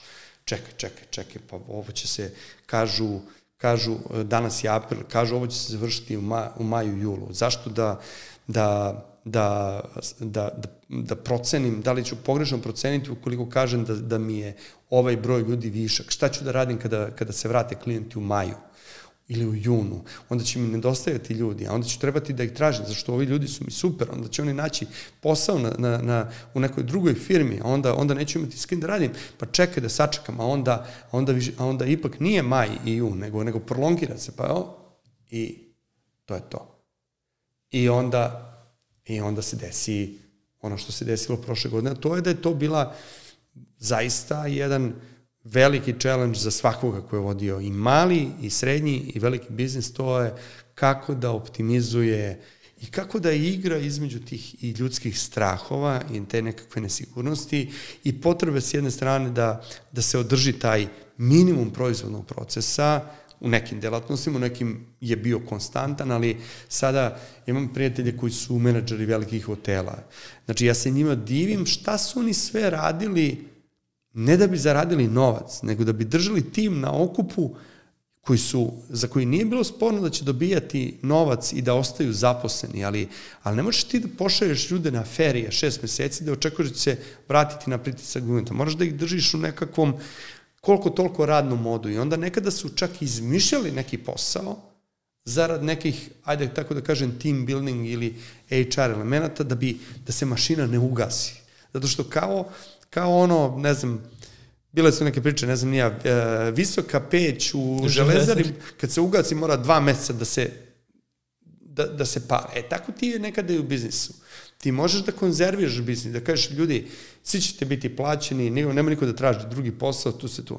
Ali ne može na klik, pritisneš dugme, svi se vrate i svi su u, u radnu modu. Ne, neće se to desiti. Kao posle raspusta. Pa da, kao posle razgusta ili kao sada kad odeš na odmor pa se vratiš sa odmora, nema šanse da taj ponedeljak ujutru ti si čekaj, treba da se... Da se odborimo od odmora. Pa dobro, ajde sada to je, ima, ima i toga, ali, ali da se vratiš, da se uklopiš, da se met, mentalno svi čuješ, da ovo, da ono. Tako da, Tako da, ovaj, uh, znaš kako se kaže, uh, kako uh, ima neka izreka uh, nekom rat, nekom brat, znaš, tako je, tako je bilo prošle godine. Opet s druge strane, ICT Hub je imao koji se bavi suštinski uh, konsultingom u oblasti biznis inovacija. On je sa druge strane upravo kada su neki veći strukturirani sistemi ušli u taj mod prošle godine, to ih je postaklo da možda ranije nego što su planirali krenu da se bave, čekaj, šta je naš biznis uh, budućnosti?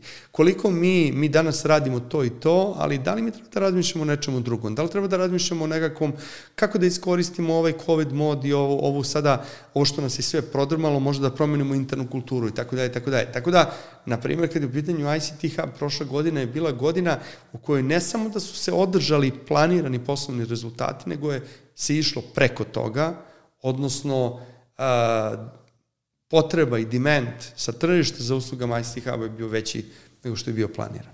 E sad, došli smo do priče o ICT Hubu. Kako iz agencijskog biznisa dolaziš do, do ICT Hub priče? Kako je to nastalo? Pa, e,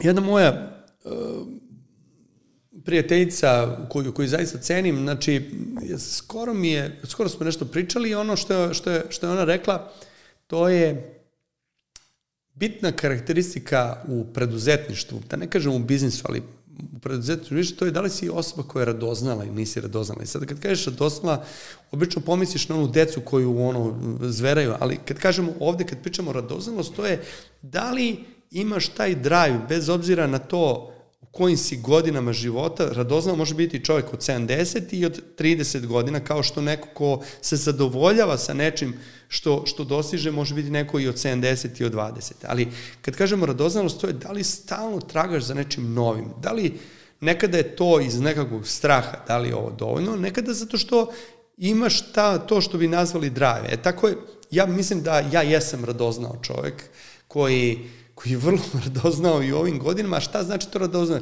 Ispituješ, ispituješ neke granice. Ono što, što sam uvek pokušavao, to je da, da vidim, ne da budem nezadovoljan onim čime se trenutno bavim, nego, nego da challenge neke nove mogućnosti. I ICT Hub je nastao kao, kao projekat uh, DNA Communicationsa i Orion Telekoma, koju, gde je, gde je vlasnik moj dobar poznanik i prijatelj, i, i nekakve potrebe, hajde da probamo stvorimo nešto novo, ali, e, sad šta je tu važno? Tu je važno kada stvoriš nešto novo, da prepoznaš trenutak kada trebaš da ga pustiš. Da bude, da bude ono, znači, već kad ga pustiš, ti ne možeš da ga pustiš, da ga prepustiš samom sebi. Znači, pustiti znači nastaviti sa supportom, nastaviti sa, sa nekakvom vrstom supervizije i pomoći, ali dati mu šansu da ostvari svoj život.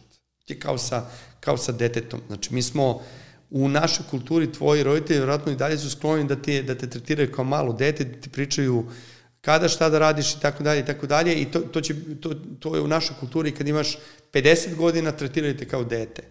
Uh, super je znati da da ako imam nekakav problem da, da imam nekakav support, ali da bi uspeo moram da, moram da probam da udahnem sebi sobstveni život. I tako je bilo sa ICT Hubom.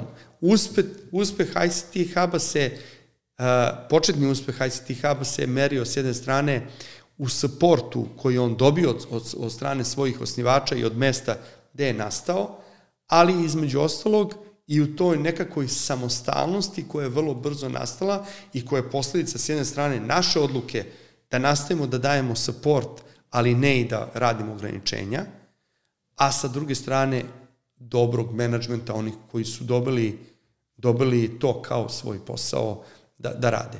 I, I to mi nije, to mi nije prvi slučaj i mislim da sam, da sam tu tokom prethodnih 20 godina zaista naučio nekakve lekcije. Koje govore, koje se, koje govore o nekim dvema stvarima. S jedne strane, da ne smeš da pustiš to nešto bez suporta, jer u protivnom ovaj, i na ivici sam da sada sa jednom inicijativom skoro da pravim tu grešku i, i se, sebe vraćam praktično. Zato što, zato što ne, ne može da biraš ako si, ako si neko ko je preduzetnik i ko ne može da kažeš jao ne mogu ovim da se bavim, ovo me trenutno nervira. Znaš, to je, onda, onda nisi treba da uđeš u to. I, i ovaj, znači, naučio sam lekcije da ako nešto pustiš previše bez suporta, to neće biti dobro, a opet sa druge strane, još pogubnija je greška ukoliko mu ne daš slobodu. Znači da si ti uključen tu 100%? Pa do, da zavisi, zato što ne možeš ti da budeš uključen 100% na 100 mesta. Znači onda, zato što onda si, ne znam, nije ušao u neku uh, kvantnu fiziku i pronašao si uh, celinu koja ima 1000%, ali tako? ili 10.000 posla. Znači, znači ti možeš, postoje ljudi koji se ponašaju kao serijski preduzetnici i koji, koji, koji su u, u, na pet ili na deset ili na tri mesta ravnopravno. Što, ali to znači da je ipak u, na svakom od tih mesta postoji neko ko je odgovoran. Drugi pristup je da imaš mesto koje ti je bazično, a da daš sebi slobodu da da pokrećeš neke razne inicijative ili, ili da, da u nekim od tih inicijativama budeš i ključni stakeholder u smislu si vlasnik i tako dalje, ali moraš da imaš nekoga ko će to da radi. I neko ko će imati tvoju podršku, kome nećeš dozvoliti da se osnovni na tebe 110% u smislu operativnih stvari, koga ćeš naterati da mora da počne da donosi nekakve odluke, da te ne pita za svakakav zarez, ali moraš i da ti odoliš tome da, da, da utičeš na svaku stvar. I to je, to je nešto što u našem, u našem okruženju je uh, možda i najveći izazov. Znači, kada pogledamo sr, preduzetništvo u Srbiji, u velikom broju slučajeva i možemo da vidimo firme koje apsolutno duguju tom osnivaču a, mnogo, u ogromnom procentu a, zaslugu za taj uspeh koji su dostigli i koje nikada neće otići ni korak dalje od onoga dok su stigli zato što osnivač ne može više da, da, da gura to dalje. On je stigao do nekakvog zenita te firme, ta firma ima potencijal da ode, da ode korak dalje, ali nije uspostavljen sistem takav da on, znaš što ne može da ode dalje? Zašto on više ne može da se, da nema osam ruku, osam glava i tako dalje, zato što to su firme u kojoj je osnivač i direktor. I praktično pita se za marketing, i praktično pita se za zapošljavanje, i praktično je direktor i proizvodnje, i direktor prodaje, i svega. I naravno, ukoliko si, ukoliko si direktor, ti moraš da radiš superviziju svih tih procesa, ali ne možeš da postaviš sistem da ti zapravo imaš tro, tri, četiri ili pet asistenata tvojih na nekim pozicijama koji, koje se zovu direktorske, a zapravo donosiš ti sve. Onda ćeš ti biti tvoja sposobnost multipliciranja na više mesta i tvoja sposobnost multitaskinga će biti mera ograničenja rasta tvoje firme. Ti ćeš biti prepreka. Ti si sad tu napravio sistem i kako hendlaš ta, ta dva mesta, znači DNA i ICT Hub? Pa, tako što, tako što znaš šta ti je, šta, šta ti je, gde je zona odgovornosti. U smislu, ako pričamo, na primjer, o ICT Hubu, ICT Hub ima sjajan tim, ima sjajnog menadžera, koji nisam ja izvršnog menadžera, i ima mene ka, koji je na, na nekoj uh, funkciji, ajde da kažemo, predsednika borda ICT Huba, koji s jedne strane jeste na dnevnom i na nedeljnom nivou support tima koji radi, ali koji sa druge strane se ne čeka da bi se doneli nekakve operativne odluke i koji sa, sa treće strane na ne, u nekakvom, uh, ajde da kažemo, logičnom tempu a, brine o određenim segmentima poslovanja te firme. I to pre svega kada su u pitanju donošenje strateških odluka, gde idemo i tako dalje. Dakle, ja bi bio kočnica toj firmi ukoliko bi od mene zavisile dnevne operacije.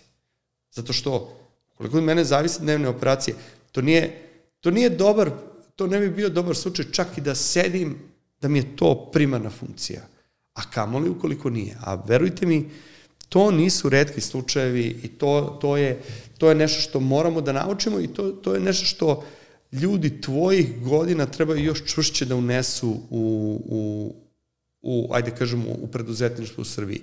Naravno, da se vratimo na početak našeg razgovora, ne od samog starta, zašto ti ne možeš da postaviš u startu firmu sa e, tri direktora sektora, ali vrlo brzo da, pre, da se prepozna, okej, okay, moram da poklonim poverenje ljudima. Poverenje nekada se vrati kao bumerang, zato što odeti čovek uh, odnese sa sobom deo firme, pa nekada odnese zaista nešto što je, što je deo firme.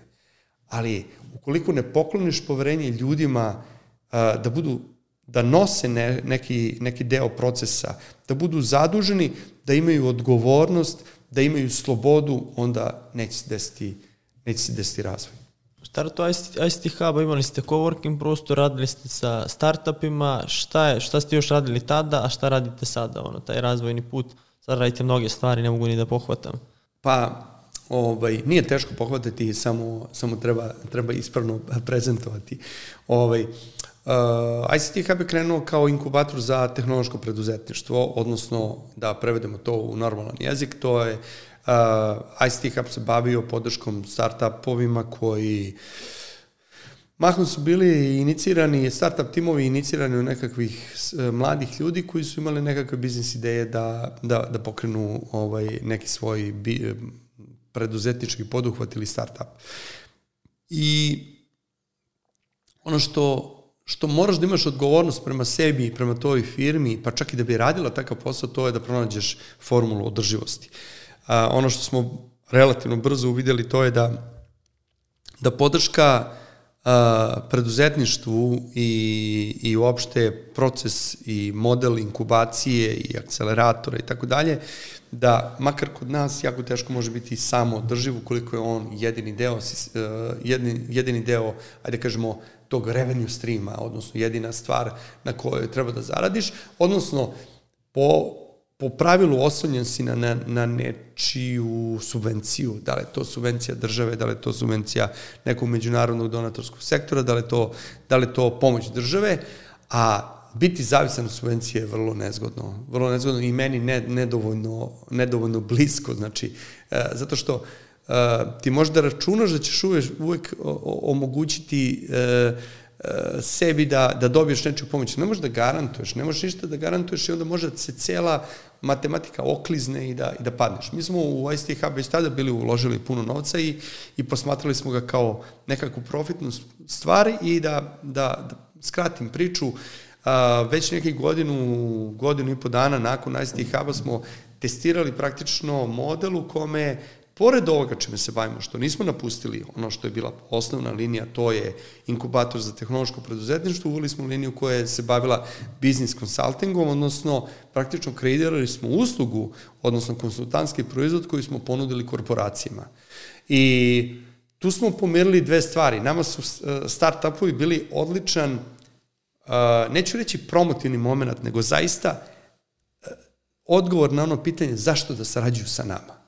Zašto da sarađuju sa ICT hubom kao konsultantom? Seti se onoga što smo malo pričali da uvijek moraš da daš odgovor zašto da sarađuju sa tobom i ovde smo imali a, kao i, kao i u svemu imali smo to pitanje i odnosno pred nama je bilo zašto da sarađuju sa nama, a ne, nekim konsultantom bilo da je Big Four, ovi Pricewaterhouse, Deloitte ili nekim drugim konsultantom, e, znaš što, zato što mi sa sobom donosimo tu startup scenu, zato što mi sa sobom donosimo tu drugačiju inovativnu kulturu, zato što smo potpuno drugačiji od ovih, zato što donosimo nekakvu novu praksu, neku budućnost i tako dalje.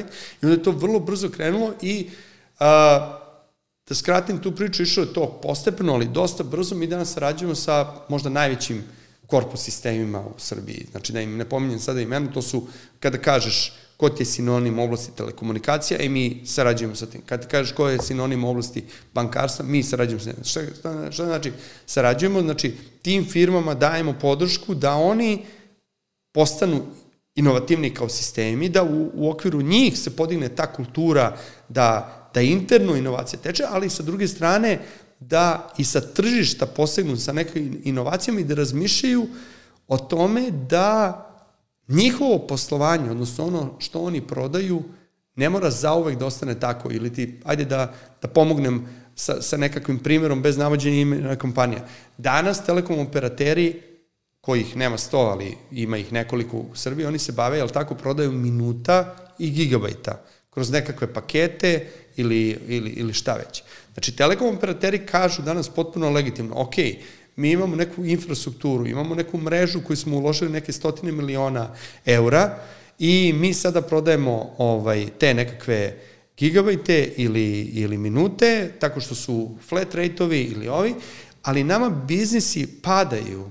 I dok nama biznis pada i mi, paketi su sve jeftiniji i jeftiniji, znači zarađuju na tome nekakvi Viberi, Whatsappovi, neke aplikacije i tako dalje. Hajde da vidimo šta mi kao telekom operateri možemo da razmišljamo šta je posao ne današnjosti, nego za pet godina čime ćemo se, čime ćemo se mi baviti zahvaljujući tome što imaju tu mrežu. I možda će ući u nekakav security biznis koji se vozi preko njihove mreže ili nešto potpuno treće.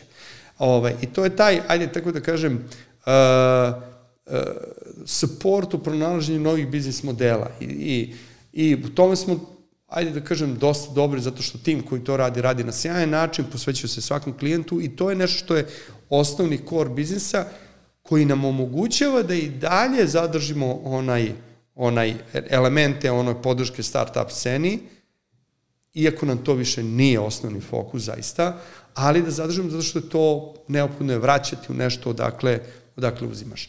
I sledeća stvar, ono što je, ono što je takođe zaživalo, to je, ajde da kažem, naša intervencija u nekakvim projektima koje, koji, koji se bave promenom nekakvih industrijskih vertikala i tako dalje. I na kraju uh, mini investicioni fond koji si malo prepomenuo. Zato što kad, kad je u pitanju oblast inovacija i to je sada opet da vratimo priču na onu početnu uvedenicu, šta je nekakav savet ljudima koji razmišljaju o pokretanju biznisa kogod i tako dalje, to je, uh, jeste činjenica da danas mnogo više nego što je ranije bio slučaj, možemo da iskoristimo te neke nove tehnologije i da se urade neke stvari koje možda nekada neko bio i zamislio, ali nije bilo moguće tehnički realizovati.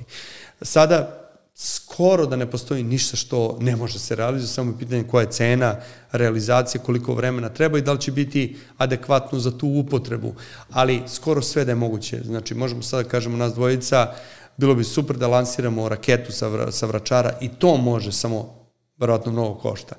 Ali šta, šta hoću da kažem? ono da je najveća šansa, to je upravo promena tradicionalnih industrija.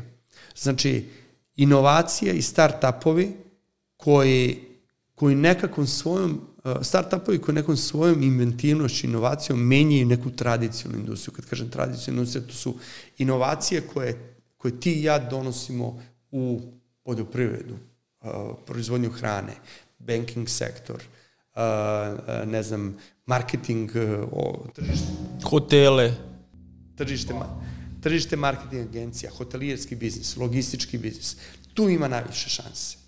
Naravno, to ne znači da u gamingu, u kreiranju novih uh, social network aplikacija nema šanse, ali tu je, tu je najma, tu je najveće zagušenje, a najveća šansa je upravo u tom razvoju tradicionalnih biznisa i to je promenilo i paradigmu i način razvoja start-upova. Nekada su start-upovi se razvijali sa ciljem da dostignu onu fazu velikih kompanija i, i mi imamo nekadašnje start-upove kao što su svi ovi koji su sinonimi, oni su postali sada velike kompanije. Ja mislim da danas je to jako teško. Uh, skoro najveći broj uspešnih start-upova će negde biti presretnut od strane neke velike korporacije i kupljen e, to sam da te da bi, da bi poslužio kao uvoz nekakve tehnologije ili nekog, u krajem slučaju, evo, sjajan primjer iz Srbije, sada Nordeus je Nordeus je prodat, ali možda je najvažnije pitanje, to je oni koji su se odlučili da kupe Nordeus, šta su po njihovom mišljenju oni kupili? Pošto skoro sigurno nisu kupili Top 11. E, jel se tako zove? Da, da. Nisu kupili Top 11, nego su kupili, ok, možda su na kupujući Nordeus i kupujući samim tim i Top 11, možda su kupili sjajnu bazu od, ne znam, ja, 20 miliona aktivnih korisnika Top 11 kojima sada mogu da prodaju neke druge proizvode, da naprave taj cross-selling.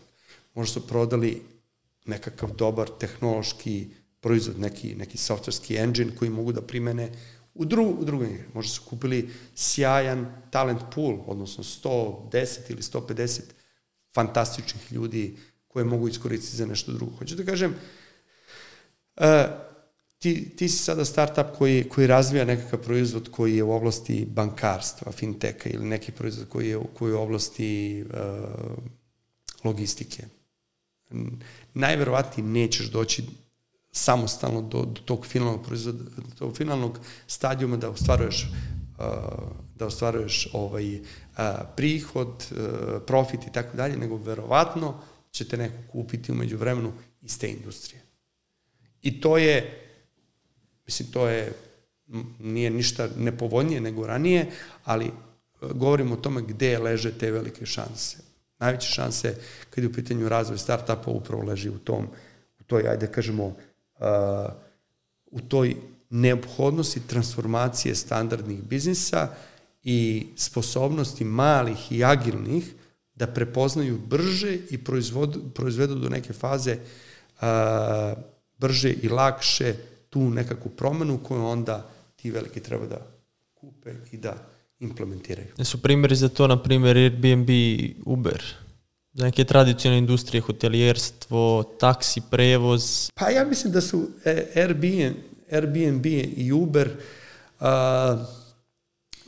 nisu primjeri toga. Oni su primjeri tih, ajde tako da kažem, start-upova koji su pojavili na tržištu pre 10 godina i koji su tada imali šansu, za, uh, Airbnb je sada korporacija, on više nije start-up. Znači, ako imaš firmu koja je koja ima, uh, koja je izlistana na, na, na stock exchange-u, koja ima N hiljada ili koliko već, desetina hiljada u nekom slučaju, u slučaju nekih start, bivših start-upova zaposlenih, to je svakako korporacija. Ja mislim da sada oni su upravo ti koji vrebaju šta ima na tržištu od nekakvih uh, novih Airbnb, znači ako neko a, sada izađe sa nekim no, start-upom koji nudi novi sistem ocenjivanja, a, revieweva i tako dalje, oni će takvu stvar da kupe da bi da bi ovaj upotpunili svoju ponudu da bi njihov proizvod biti. Oni su sada iz start-upa prešli praktično u nekoga ko je potencijalni startup iter, u smislu da, da, da u pozitivnom smislu guta nove start-upove ukoliko su komplementarni sa njihovim proizvodom. Kao što sada, zato što kako, kako se i razvija to tržište, znači sve luđe i luđe stvari postaju predmet uh, predmet rada nekakvih start-upova. Znači ti sada sa, sa ovim, evo, imamo, imamo jedan novi start-up ko, koji, sa kojim smo se susreli i, i ostvarili partnerstvo u ICT Hub Venture-u. Znači, oni se bave, pošto sada, kada je u pitanju horeka, odnosno restorani, sa, ovom, sa ovim rastom ovaj, online naručivanje dosta naručivanje i tako dalje, ono što, ono što se ispostavilo to je da je neophodna sada integracija post terminala, uh, onog tableta koji ta, ti sad imaš u, u, ne, u jednom restoranu tablet iz Volta, tablet iz donesi.com, tablet iz uh, Glova. Glova i tako dalje i sada, znači to je sada postalo već mm, komplikovano. komplikovano za manipulaciju. I sada oni su prepoznali svoju nišu u integraciji toga. U rešenju koje će, koje će pojednostaviti poslovanje i u određenoj meri automatizovati poslovanje restorana u tom pravcu. I za sada izgleda da im ide jako, jako dobro u smislu da će napraviti i nekakav uh, uh, dobar testing uh, period koji će pokazati svrsishodnost i će biti spremni da neko razmišlja da investira još više u njih zato što dokazali su da su biznis koji raca. Ali hoću da kažem, nekada je već samo online poručivanje samo po sebi bilo dovoljno egzotično. Sada, sada kako se biznis i razvod, male sfere postaju predmet napada nekakvih start-upova na, na poboljšanje toga. Tako A ovi da, veliki kupuju manje. Tako je. Tako Sad su do, donesti su kupili Glovo.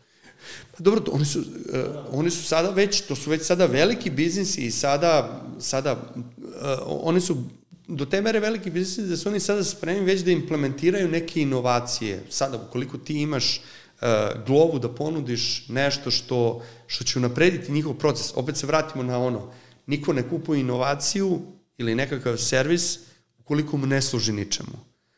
Odnosno, ti kada prodaješ nekom nešto, ti mu zapravo prodaješ njegov manji trošak, veći profit ili nekakvu optimizaciju uh, nekog radnog procesa, što opet se reflektuje na onaj, ako udarim još mikrofon. jednom, ako udarim još jednom izbaci me, ovaj, uh, koje opet i ta optimizacija zapravo je nekakav ušteda novca. Tako da, tako da start-upovi su start-upovi su postali u određenoj meri čak i zamena za, za nekakav research and development ranije. Znači, nekada bi E, po jednom vrlo ustrojenom modelu, neka velika korporacija koja razmišlja o budućnosti, ona, ona bi imala nekakav svoj R&D centar da bi neki ljudi istraživali nešto, do, uh, radili, bavili se nekakvim projekcijama proizvoda budućnosti, usluga budućnosti i tako dalje. I to je funkcionisalo do nekog momenta, ali, ali vrlo često ti ljudi žive u nekoj svojoj sobstvenoj kapsuli i... Ne vide dalje. Pitanje je koliko i vide nekakvu mogućnost. E sada, startupovi bivaju kao neki mobilni R&D centri, znači ti umesto da, da naredne tri godine razvijaš unutar firme neki svoj proizvod, ti loviš na tržištu šta je, šta je tvoj budući proizvod ili šta je unapređenje tvog sadašnjeg proizvoda što ga čini novim proizvodom u narednom periodu. Krenuli ste sa investiranjem u startupe, ali možda izvojiš neke ono zanimljive startupe, ko se to najviše isplatio, ako možemo da, da kažemo tako? Pa, znači... Kako izgleda ta, to investiranje u, u startupe, ono ko, ko da berete?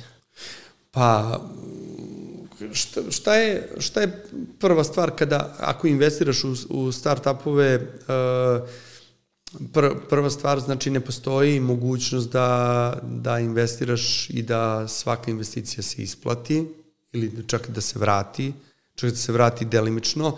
Čak nekakva statistika koja je bila to je da moraš da investiraš praktično da bi ajde, ovo je malo starija nekakva kolokvijna statistika, ali bilo je otprilike da moraš da uložiš u 30 start-upova da bi ti statistički model uh, dozvolio da ti, na primer, uh, dva, otprilike 25 propadne, da tri ili četiri ovaj, vrate uloženi novac i da jedan vrati novac za sve ostale, za sve ostale i da zaradiš. Ok. Sada ovo je pojednostavljeno rečeno, ali više kao ilustraciju. E sada, može da se utiče da budeš manje ili više, da, da povećaš tu šansu za uspeh tako pažljivim odabirom, nekakvim, nekakvim tretmanom. Zapravo, kako to ide? E, e, ti start-upovi dolaze u ICT Hub Venture, kad kažem dolaze u, u smislu, bilo kad su u pitanju nekakvi, ajde kažemo, runde poziva, bilo uh, potpuno otvoreno bilo kada, pičuju nas sa nekakvim predlozima. Mi smo startup koji se bavi tim i tim, uh, imamo tim, imamo proizvod ili planiramo da imamo proizvod, uh, prezentujemo zašto ćemo biti uspešni na tržištu, zato što nudimo takvu i takvu inovaciju prema krajnjim potrošačima, prema biznis segmentu i tako dalje i tako dalje. Naša osnovna konkurencija e, iz koje možemo da vidimo šta može da se napravi je ta i ta i tako dalje. Do sada smo stigli dotle i dotle, do sada smo potrošili toliko vremena, toliko novca, bla, bla, tražimo od vas 100 dinara za toliko i toliko procenata naše firme. I mi investiramo ili ne investiramo ono što je nekakav, uh, nekakav, ajde kažemo, standard bio ICT Hub Venture, to je da investiramo u startupu u nekoj ranoj, ranoj fazi. Znači, upravo tada kada, ajde tako da kažem, kada im je pomoć i najpotrebnija, ali sa druge strane i kada, kada možeš da uđeš sa, sa mal, manjim sumom novca. Šta je ta manja suma novca? To je 20 do 50 hiljada eura za maks 10% vlasništva firme.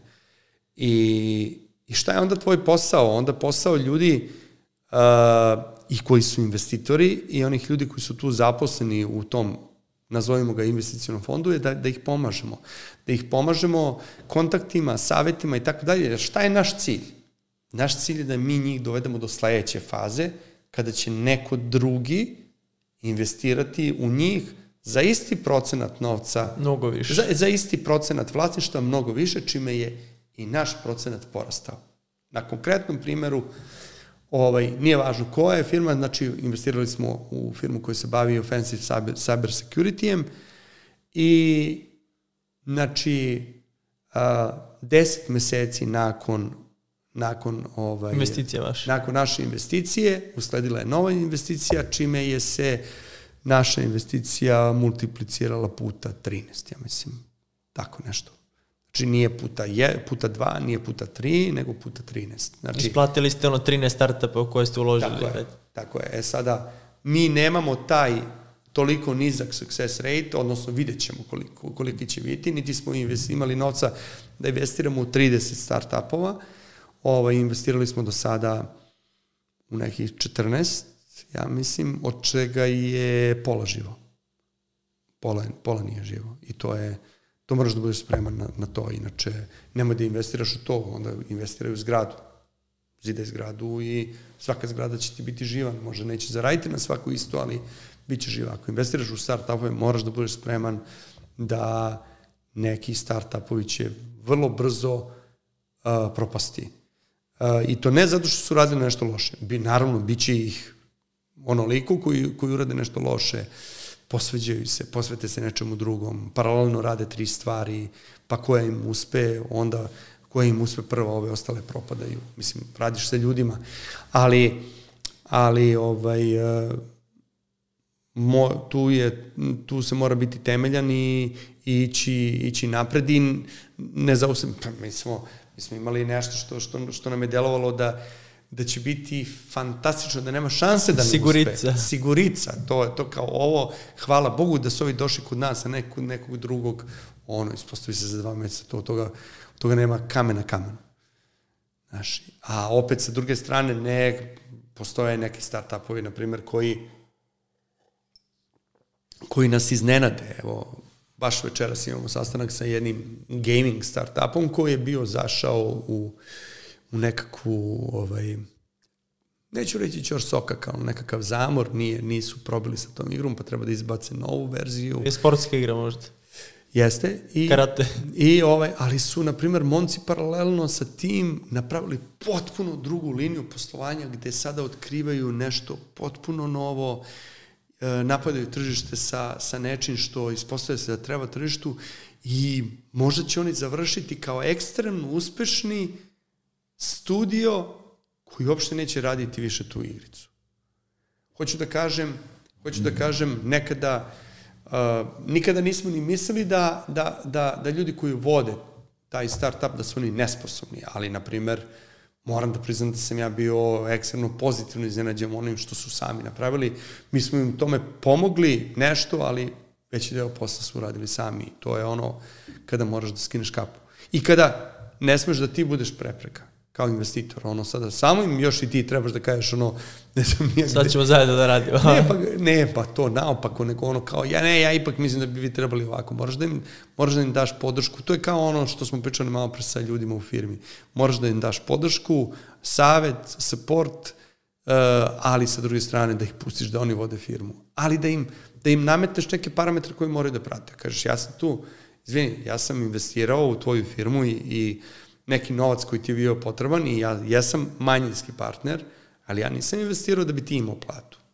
Ja sam investirao u tvoju firmu da bi tvoja firma porasla i u nekom manje verovatnom slučaju da bi delili zaradu, ali to verovatno nije opcija, nego da bi tvoja firma porasla i da bi ja moj deo koji sam platio 100 dinara plati, prodao za 500. To je moj interes. Moj interes nije da tebi bude dobro. Moj interes nije da tebi ne bude dobro, ali nije mi dovoljno da tebi bude dobro i da je to to. Kapiraš? Kupili smo kola od investicije. pa ne, kupili smo kola od investicije. To je, to je, to je okej okay ukoliko taj auto donosi nešto da ta firma bude, bude bolja. Ali mi nismo partneri u firmi da bi za well-being osnivača, ukoliko u tome nema well-beinga nas kao investitora.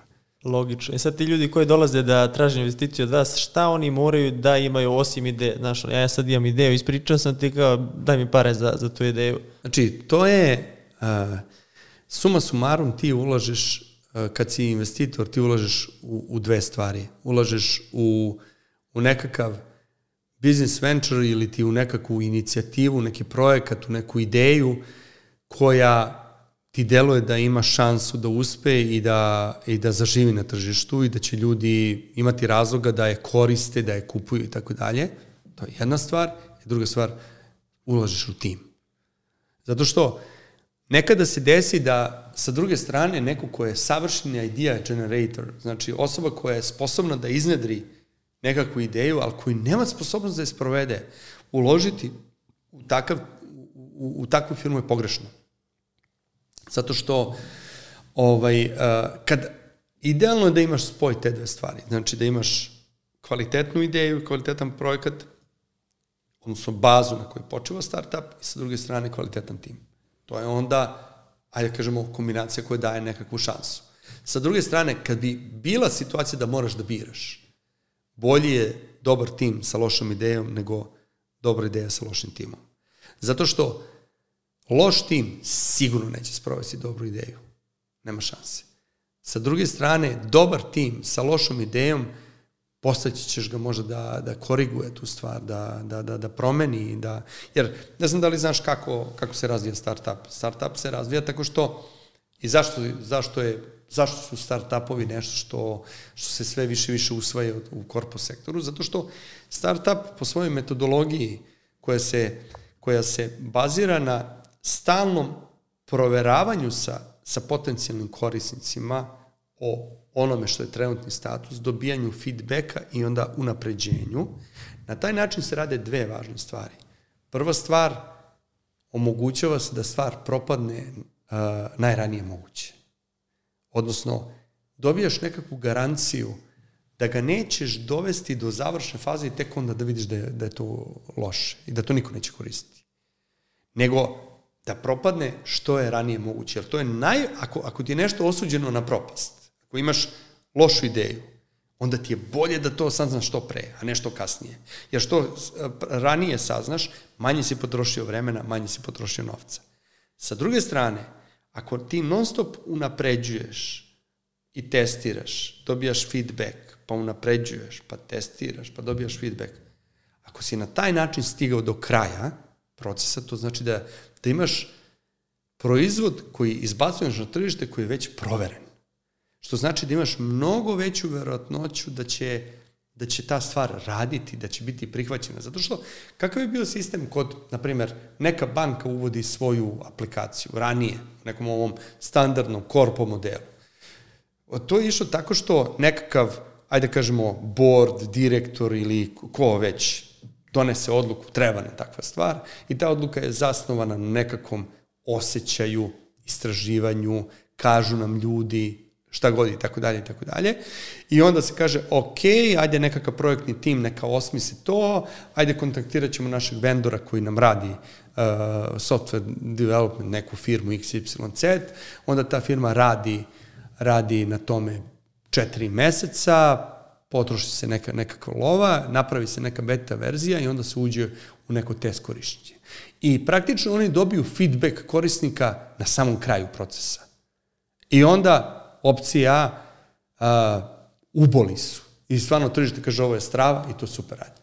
Opcija B kažu pa ovo ne valja, ali u pitanju su nekakve mane koje se mogu unaprediti ili opcija, u tom slučaju unaprede, opcija C doživi debakl u tom slučaju, pošto je to korporacija koja ima dovoljno snage, ona to baci u kantu, izvuče iz fioke novu stvar, idemo, idemo, iz početka. idemo iz početka. E, kod startupa to ne može da desi. Ako, ako je ideja krivo postavljena, ti ćeš otkriti najranije moguće što se može otkriti da to ne valja i da od toga treba da ustati, a sa druge strane, ako izguraš na taj način do kraja procesa, to onda ima veliku šansu da će raditi. Što ne znači da će biti ekstremno uspešno, da će biti planetarni uspeh. Ali ako si na taj način stigao do kraja razvoja, to znači da, da je već nekih 100 ili 200 ili 50 korisnika reklo, dalo ti sugestije, ti si usvojio i tako dalje i napravio si stvar po meri tržišta. Tako da, tako da ovaj, kad je u pitanju startup, znači suština je ta nekakva, ajde da kažemo, inovacija koju on, on donosi, Startupom bi se moglo znati, zvati i revolucionarno čišćenje cipela. Znači, ne moramo vezivati startupove samo za nekakve a, aplikacije ili i, i za software. Naj, najčešće se vežu, vezuju za to.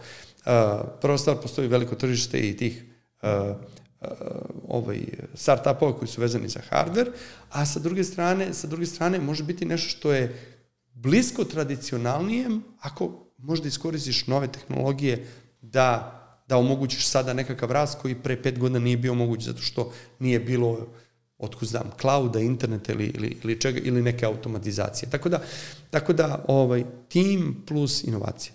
Znači, imamo formulu tim plus inovacija.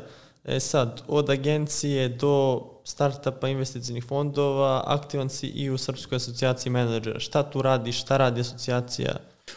Srpska asocijacija menadžera je jedna super organizacija koju bi zaista preporučio svakome, ko, jer sa čim to ima veze? Znači, ti si uh, ušao u biznis, te, uh, ušao si u biznis sa nekakvim formalnim obrazovanjem, završio si, nije važno da li elektrotehniku ili si završio ekonomiju ili si završio građevinu ili si završio pravni fakultet, šta god da si završio, susrećeš se sa jako puno nekih stvari koje ćeš Možda, ćeš, možda si se ti dotakao njih, možda si zaboravio da si ih se dotakao na, na fakultetu i tako dalje, ali, ali ti ih po prvi put, što bi se reklo, igraš sa loptom u nogama, je tako? Znači, guraš.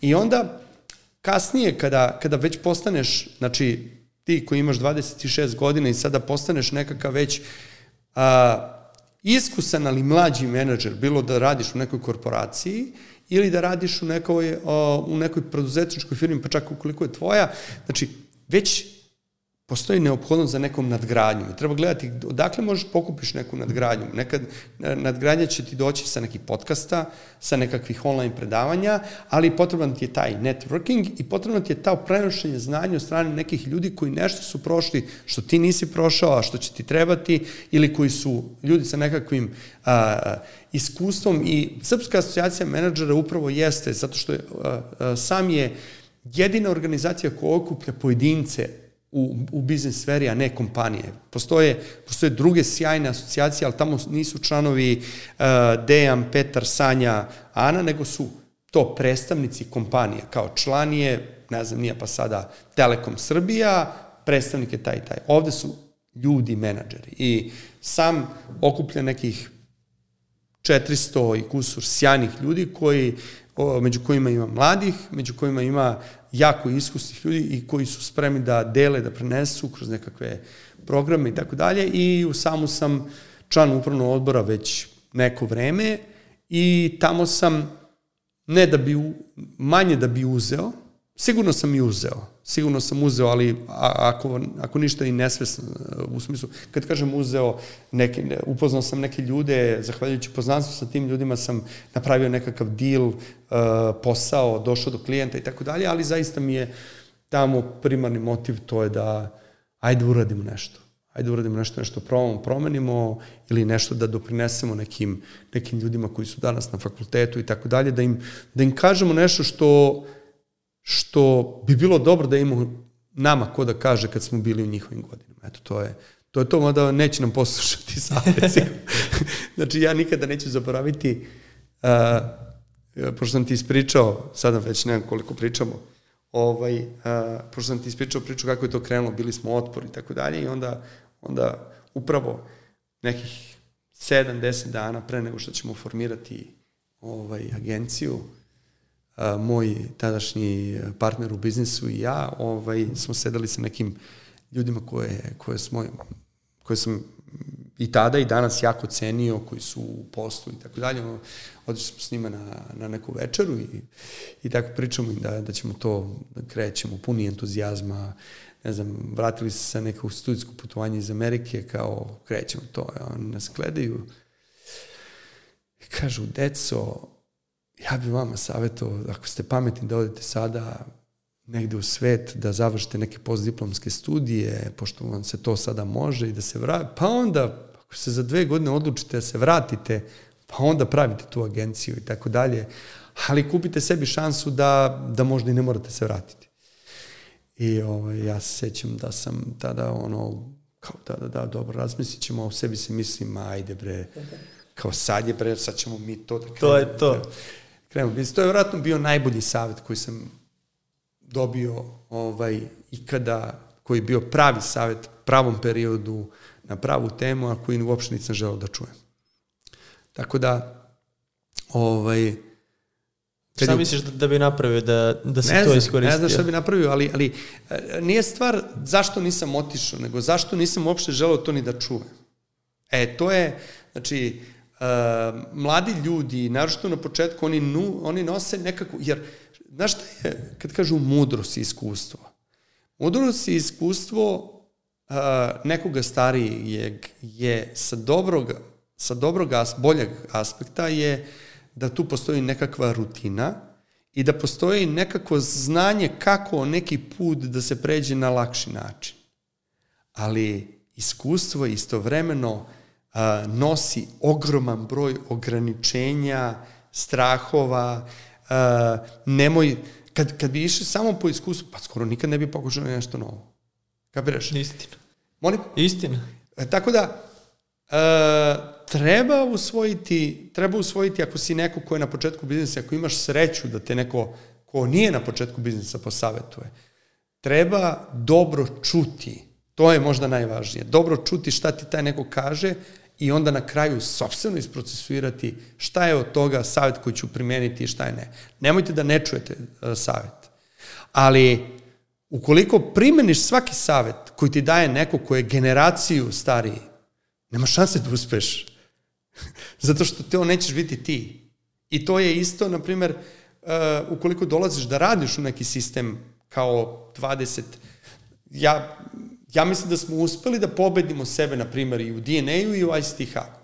U smislu da ljudima dozvoljavamo, mislim, glupo reći dozvoljavamo, nego forsiramo i želimo da ljudi budu ono što oni zapravo jesu. Zato što Ne tako redko imaćeš situaciju da ti imaš 26 godina i tebe neko upravo želi zbog neke tvoje osobenosti koja ima veze sa godinama, generacijom koje pripadaš i tako dalje i onda počne da radiš u toj firmi i onda oni već prvog radnog dana pokušavaju tebe da napraviš, da napravi da budeš kao oni. Šablon. Šablon, ono, tipa, ti dođeš na, na, na intervju u, ne znam, nija, uh, van s patikama, farmerkama i majici i ja kažem, jao, baš nam treba ovako neko mladi i tako dalje, onda dođe prvi dan i kaže, Dress code. Nema više tako da se oblačiš, kapiraš? Pa što sam te onda, što sam te onda zaposlio? Znači, odnosno, e, time sam ubio mogućnost da dobijem ono što si ti. Već od tebe hoću da napravim nečega što je ne, neautentično. Isto tako u početku biznisa. Znači, savjet bi bio čujte, otvorite uši da čujete šta ima neko da vam da kao savjet. Ali iz tog saveta izvucite ono što je, što je primenjivo. Jer ako primeniš sve, odnosno, ajde tako da kažem, dobar savjet ne bi trebalo ni da bude tutorisanje. Znači, dobar savjet nije, sad ću ti ja reći kako to da uradiš, nego ja mogu da ti kažem kako sam ja to uradio, pa ti izvuci Možda ćeš ti uraditi na isti način, a možda ćeš iz toga zaključiti neki tvoj način. Jer moraš na kraju da budeš autentičan. Koliko imamo vremena još, odnosno... Imamo još, kamera može da snima još 3 sata, tako da, ali možemo da, da privodimo, ubijamo 2 sata. Jel imaš preporuke neke za, za čitanje knjiga, literatura, koje su knjige ostavile utisak na, na tebe, možda neke edukacije za mlade ljude i one koje nisu mladi? Pa dobro, pa evo, ovo, ovo što sada radimo i ono što si ti uradio u prethodnih 10 emisija, uh, i ono što ćeš uraditi u narednih koliko već budeš imao i ono što rade neki drugi ljudi na neki sličan način, pa ono što rade neki ljudi napolju, to je, ja mislim da to već bi moglo da bude dovoljno.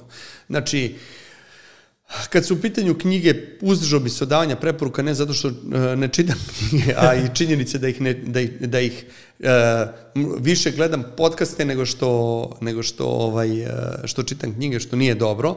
Ali, ajde kažemo, knjige, knjige su više nekako, nekako usmerenje koje je dublje.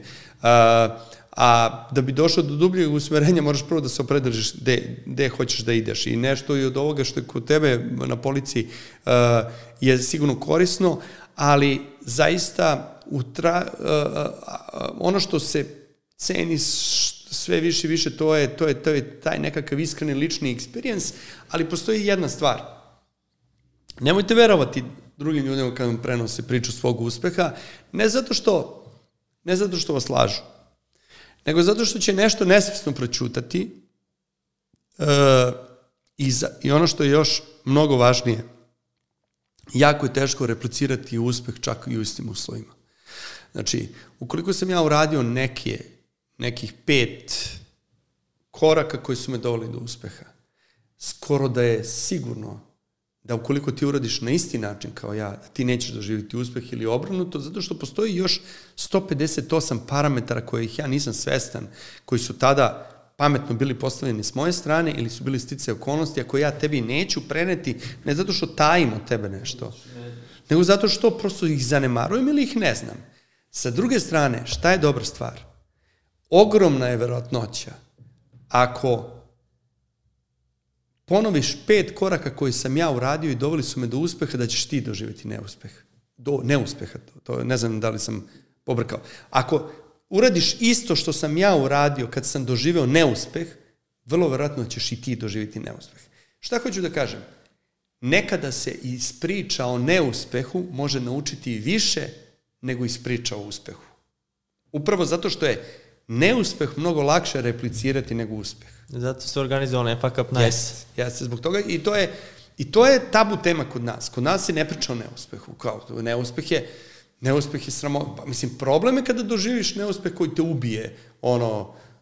Ne možeš da ustaneš. Ubije ti karijeru, ali, ali treba deliti priče o neuspehu. Bilo da su neuspeh iz nekakvog, uh, ne znam nija, neuspeh koji smo doživjeli prošle godine u COVID periodu, naročito ukoliko si uspeo da ostaneš na nogama tada tvoja priča o neuspehu treba, treba, treba ih ispričati, zato što zašto bi neko uradio nešto što si ti naučio da ne treba raditi i zamisli koliko bi, kad bi znali sve tuđe greške, koliko bi bilo lakše. Zato što ti sada, ja mislim da od nekog, aj ti sada slušaš uh, motivacijno predavanje, ne znam, Elona Maska i aj ti postani novi Elon Musk, nema šanse.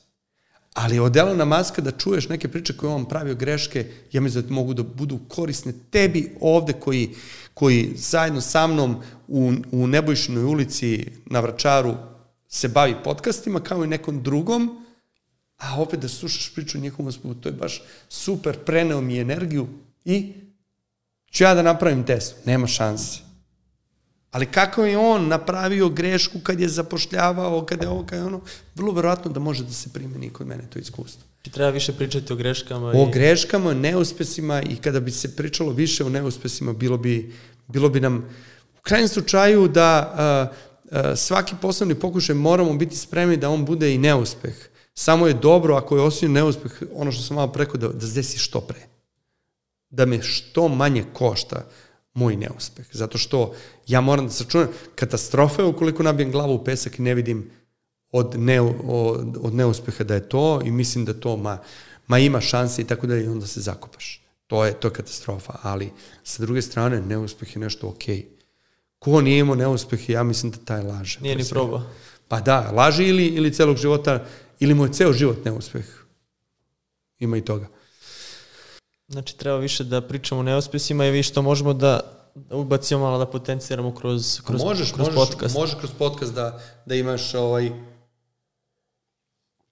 obzirom na profil ljudi koji imaš da, da svakoga, od svakoga tražiš da podeli neki neuspeh. Za kraj bih te pitao da, je li imaš nešto da poručiš, mada ceo ovaj zadnji deo je bila jedna velika poruka, ako misliš da nešto nisi rekao, a da pa bi evo, značilo... evo da krenemo od kraja, znači možda ovo, ono, prva stvar, ne plašite se neuspeha. Samo ga, samo ga pravilno prepoznajte i neuspeh je, neuspeh su bačeni resursi ukoliko iz neuspeha nisi izvukao nekakav, ajde da kažemo, novo znanje sagledao šta nisi uradio kako treba. I nema da ponavljaš tuđe neuspehe ukoliko si imao prilike da čuješ. Glupo je da mi ti kažeš, glupo je ukoliko si mi ti rekao da si nešto uradio uh, neuspešno, ja ponovim istu tvoju grešku. Ja pa onda sam stvarno idiot. Znači, ne plašite se neuspeha, s jedne strane, s druge strane, razmišljate o tome zašto ste vi, zašto vi da budete izbor tržišta, bez obzira šta god da, šta je to da, da, da stavljate na, na tržište, da li to usluga, da li to proizvod i tako dalje, razmišljate o tome zašto bi taj neko kupio vašu uslugu ili vaš proizvod, a ne nešto što je konkurencija. I treća stvar, to je ovaj, uh, uh, razvijajte takav tim da imate sposobnost da idete napred. Zato što stajanje na, na jednom mestu, to, to je stagnacija, je blago umiranje. Znači moraš da ideš uvek napred makar sa razvojem svoje usluge, ako ne i sa pronalaženjem nečega novog. Tako da evo mi smo, mi smo prošlu godinu iskoristili kada smo već stagnirali zbog covid mi smo iskoristili za razvijanje neke, ajde kažemo, neke pristupa komunikacije koja je upravo usmerena ka salesu i nešto što zovemo smart i onda to sada testiramo, ali, ali šta je, da se vratimo na ono što je savet ovaj, ljudima, to je znači uh, hrabrost, spremnosti na, ako treba na neuspeh, ali uz otvorene oči, onda definisanje zašto, zašto si ti nečiji izbor i treća stvar, to je, to je dobar tim koji će sve to nositi. Sad, redu se nije važan. Imamo priču, ubili smo dva sata, evo može i aplauz jedan. Pa, možda smo mogli i pet sati, samo se nadam da, da ima kvaliteta u ovome. Ja se ne sjećam ni šta smo pričali o dva sata, zato što smo pričali nešto što nije bilo po nekakvom pripremljenom scenariju, nego nas je razgovor vodio na, na razne strane. Ja se nadam da će e, slušalci moći da nas prate. Hoće, kaže, zaokružili smo priču od agencije do startupa pa do nekih menadžerskih funkcija, tako da mislim da imaju širu sliku. Hvala ti što si bio gost, Hvala pa tebi. se vidimo u nekoj od narednih epizoda. Važi, uvek.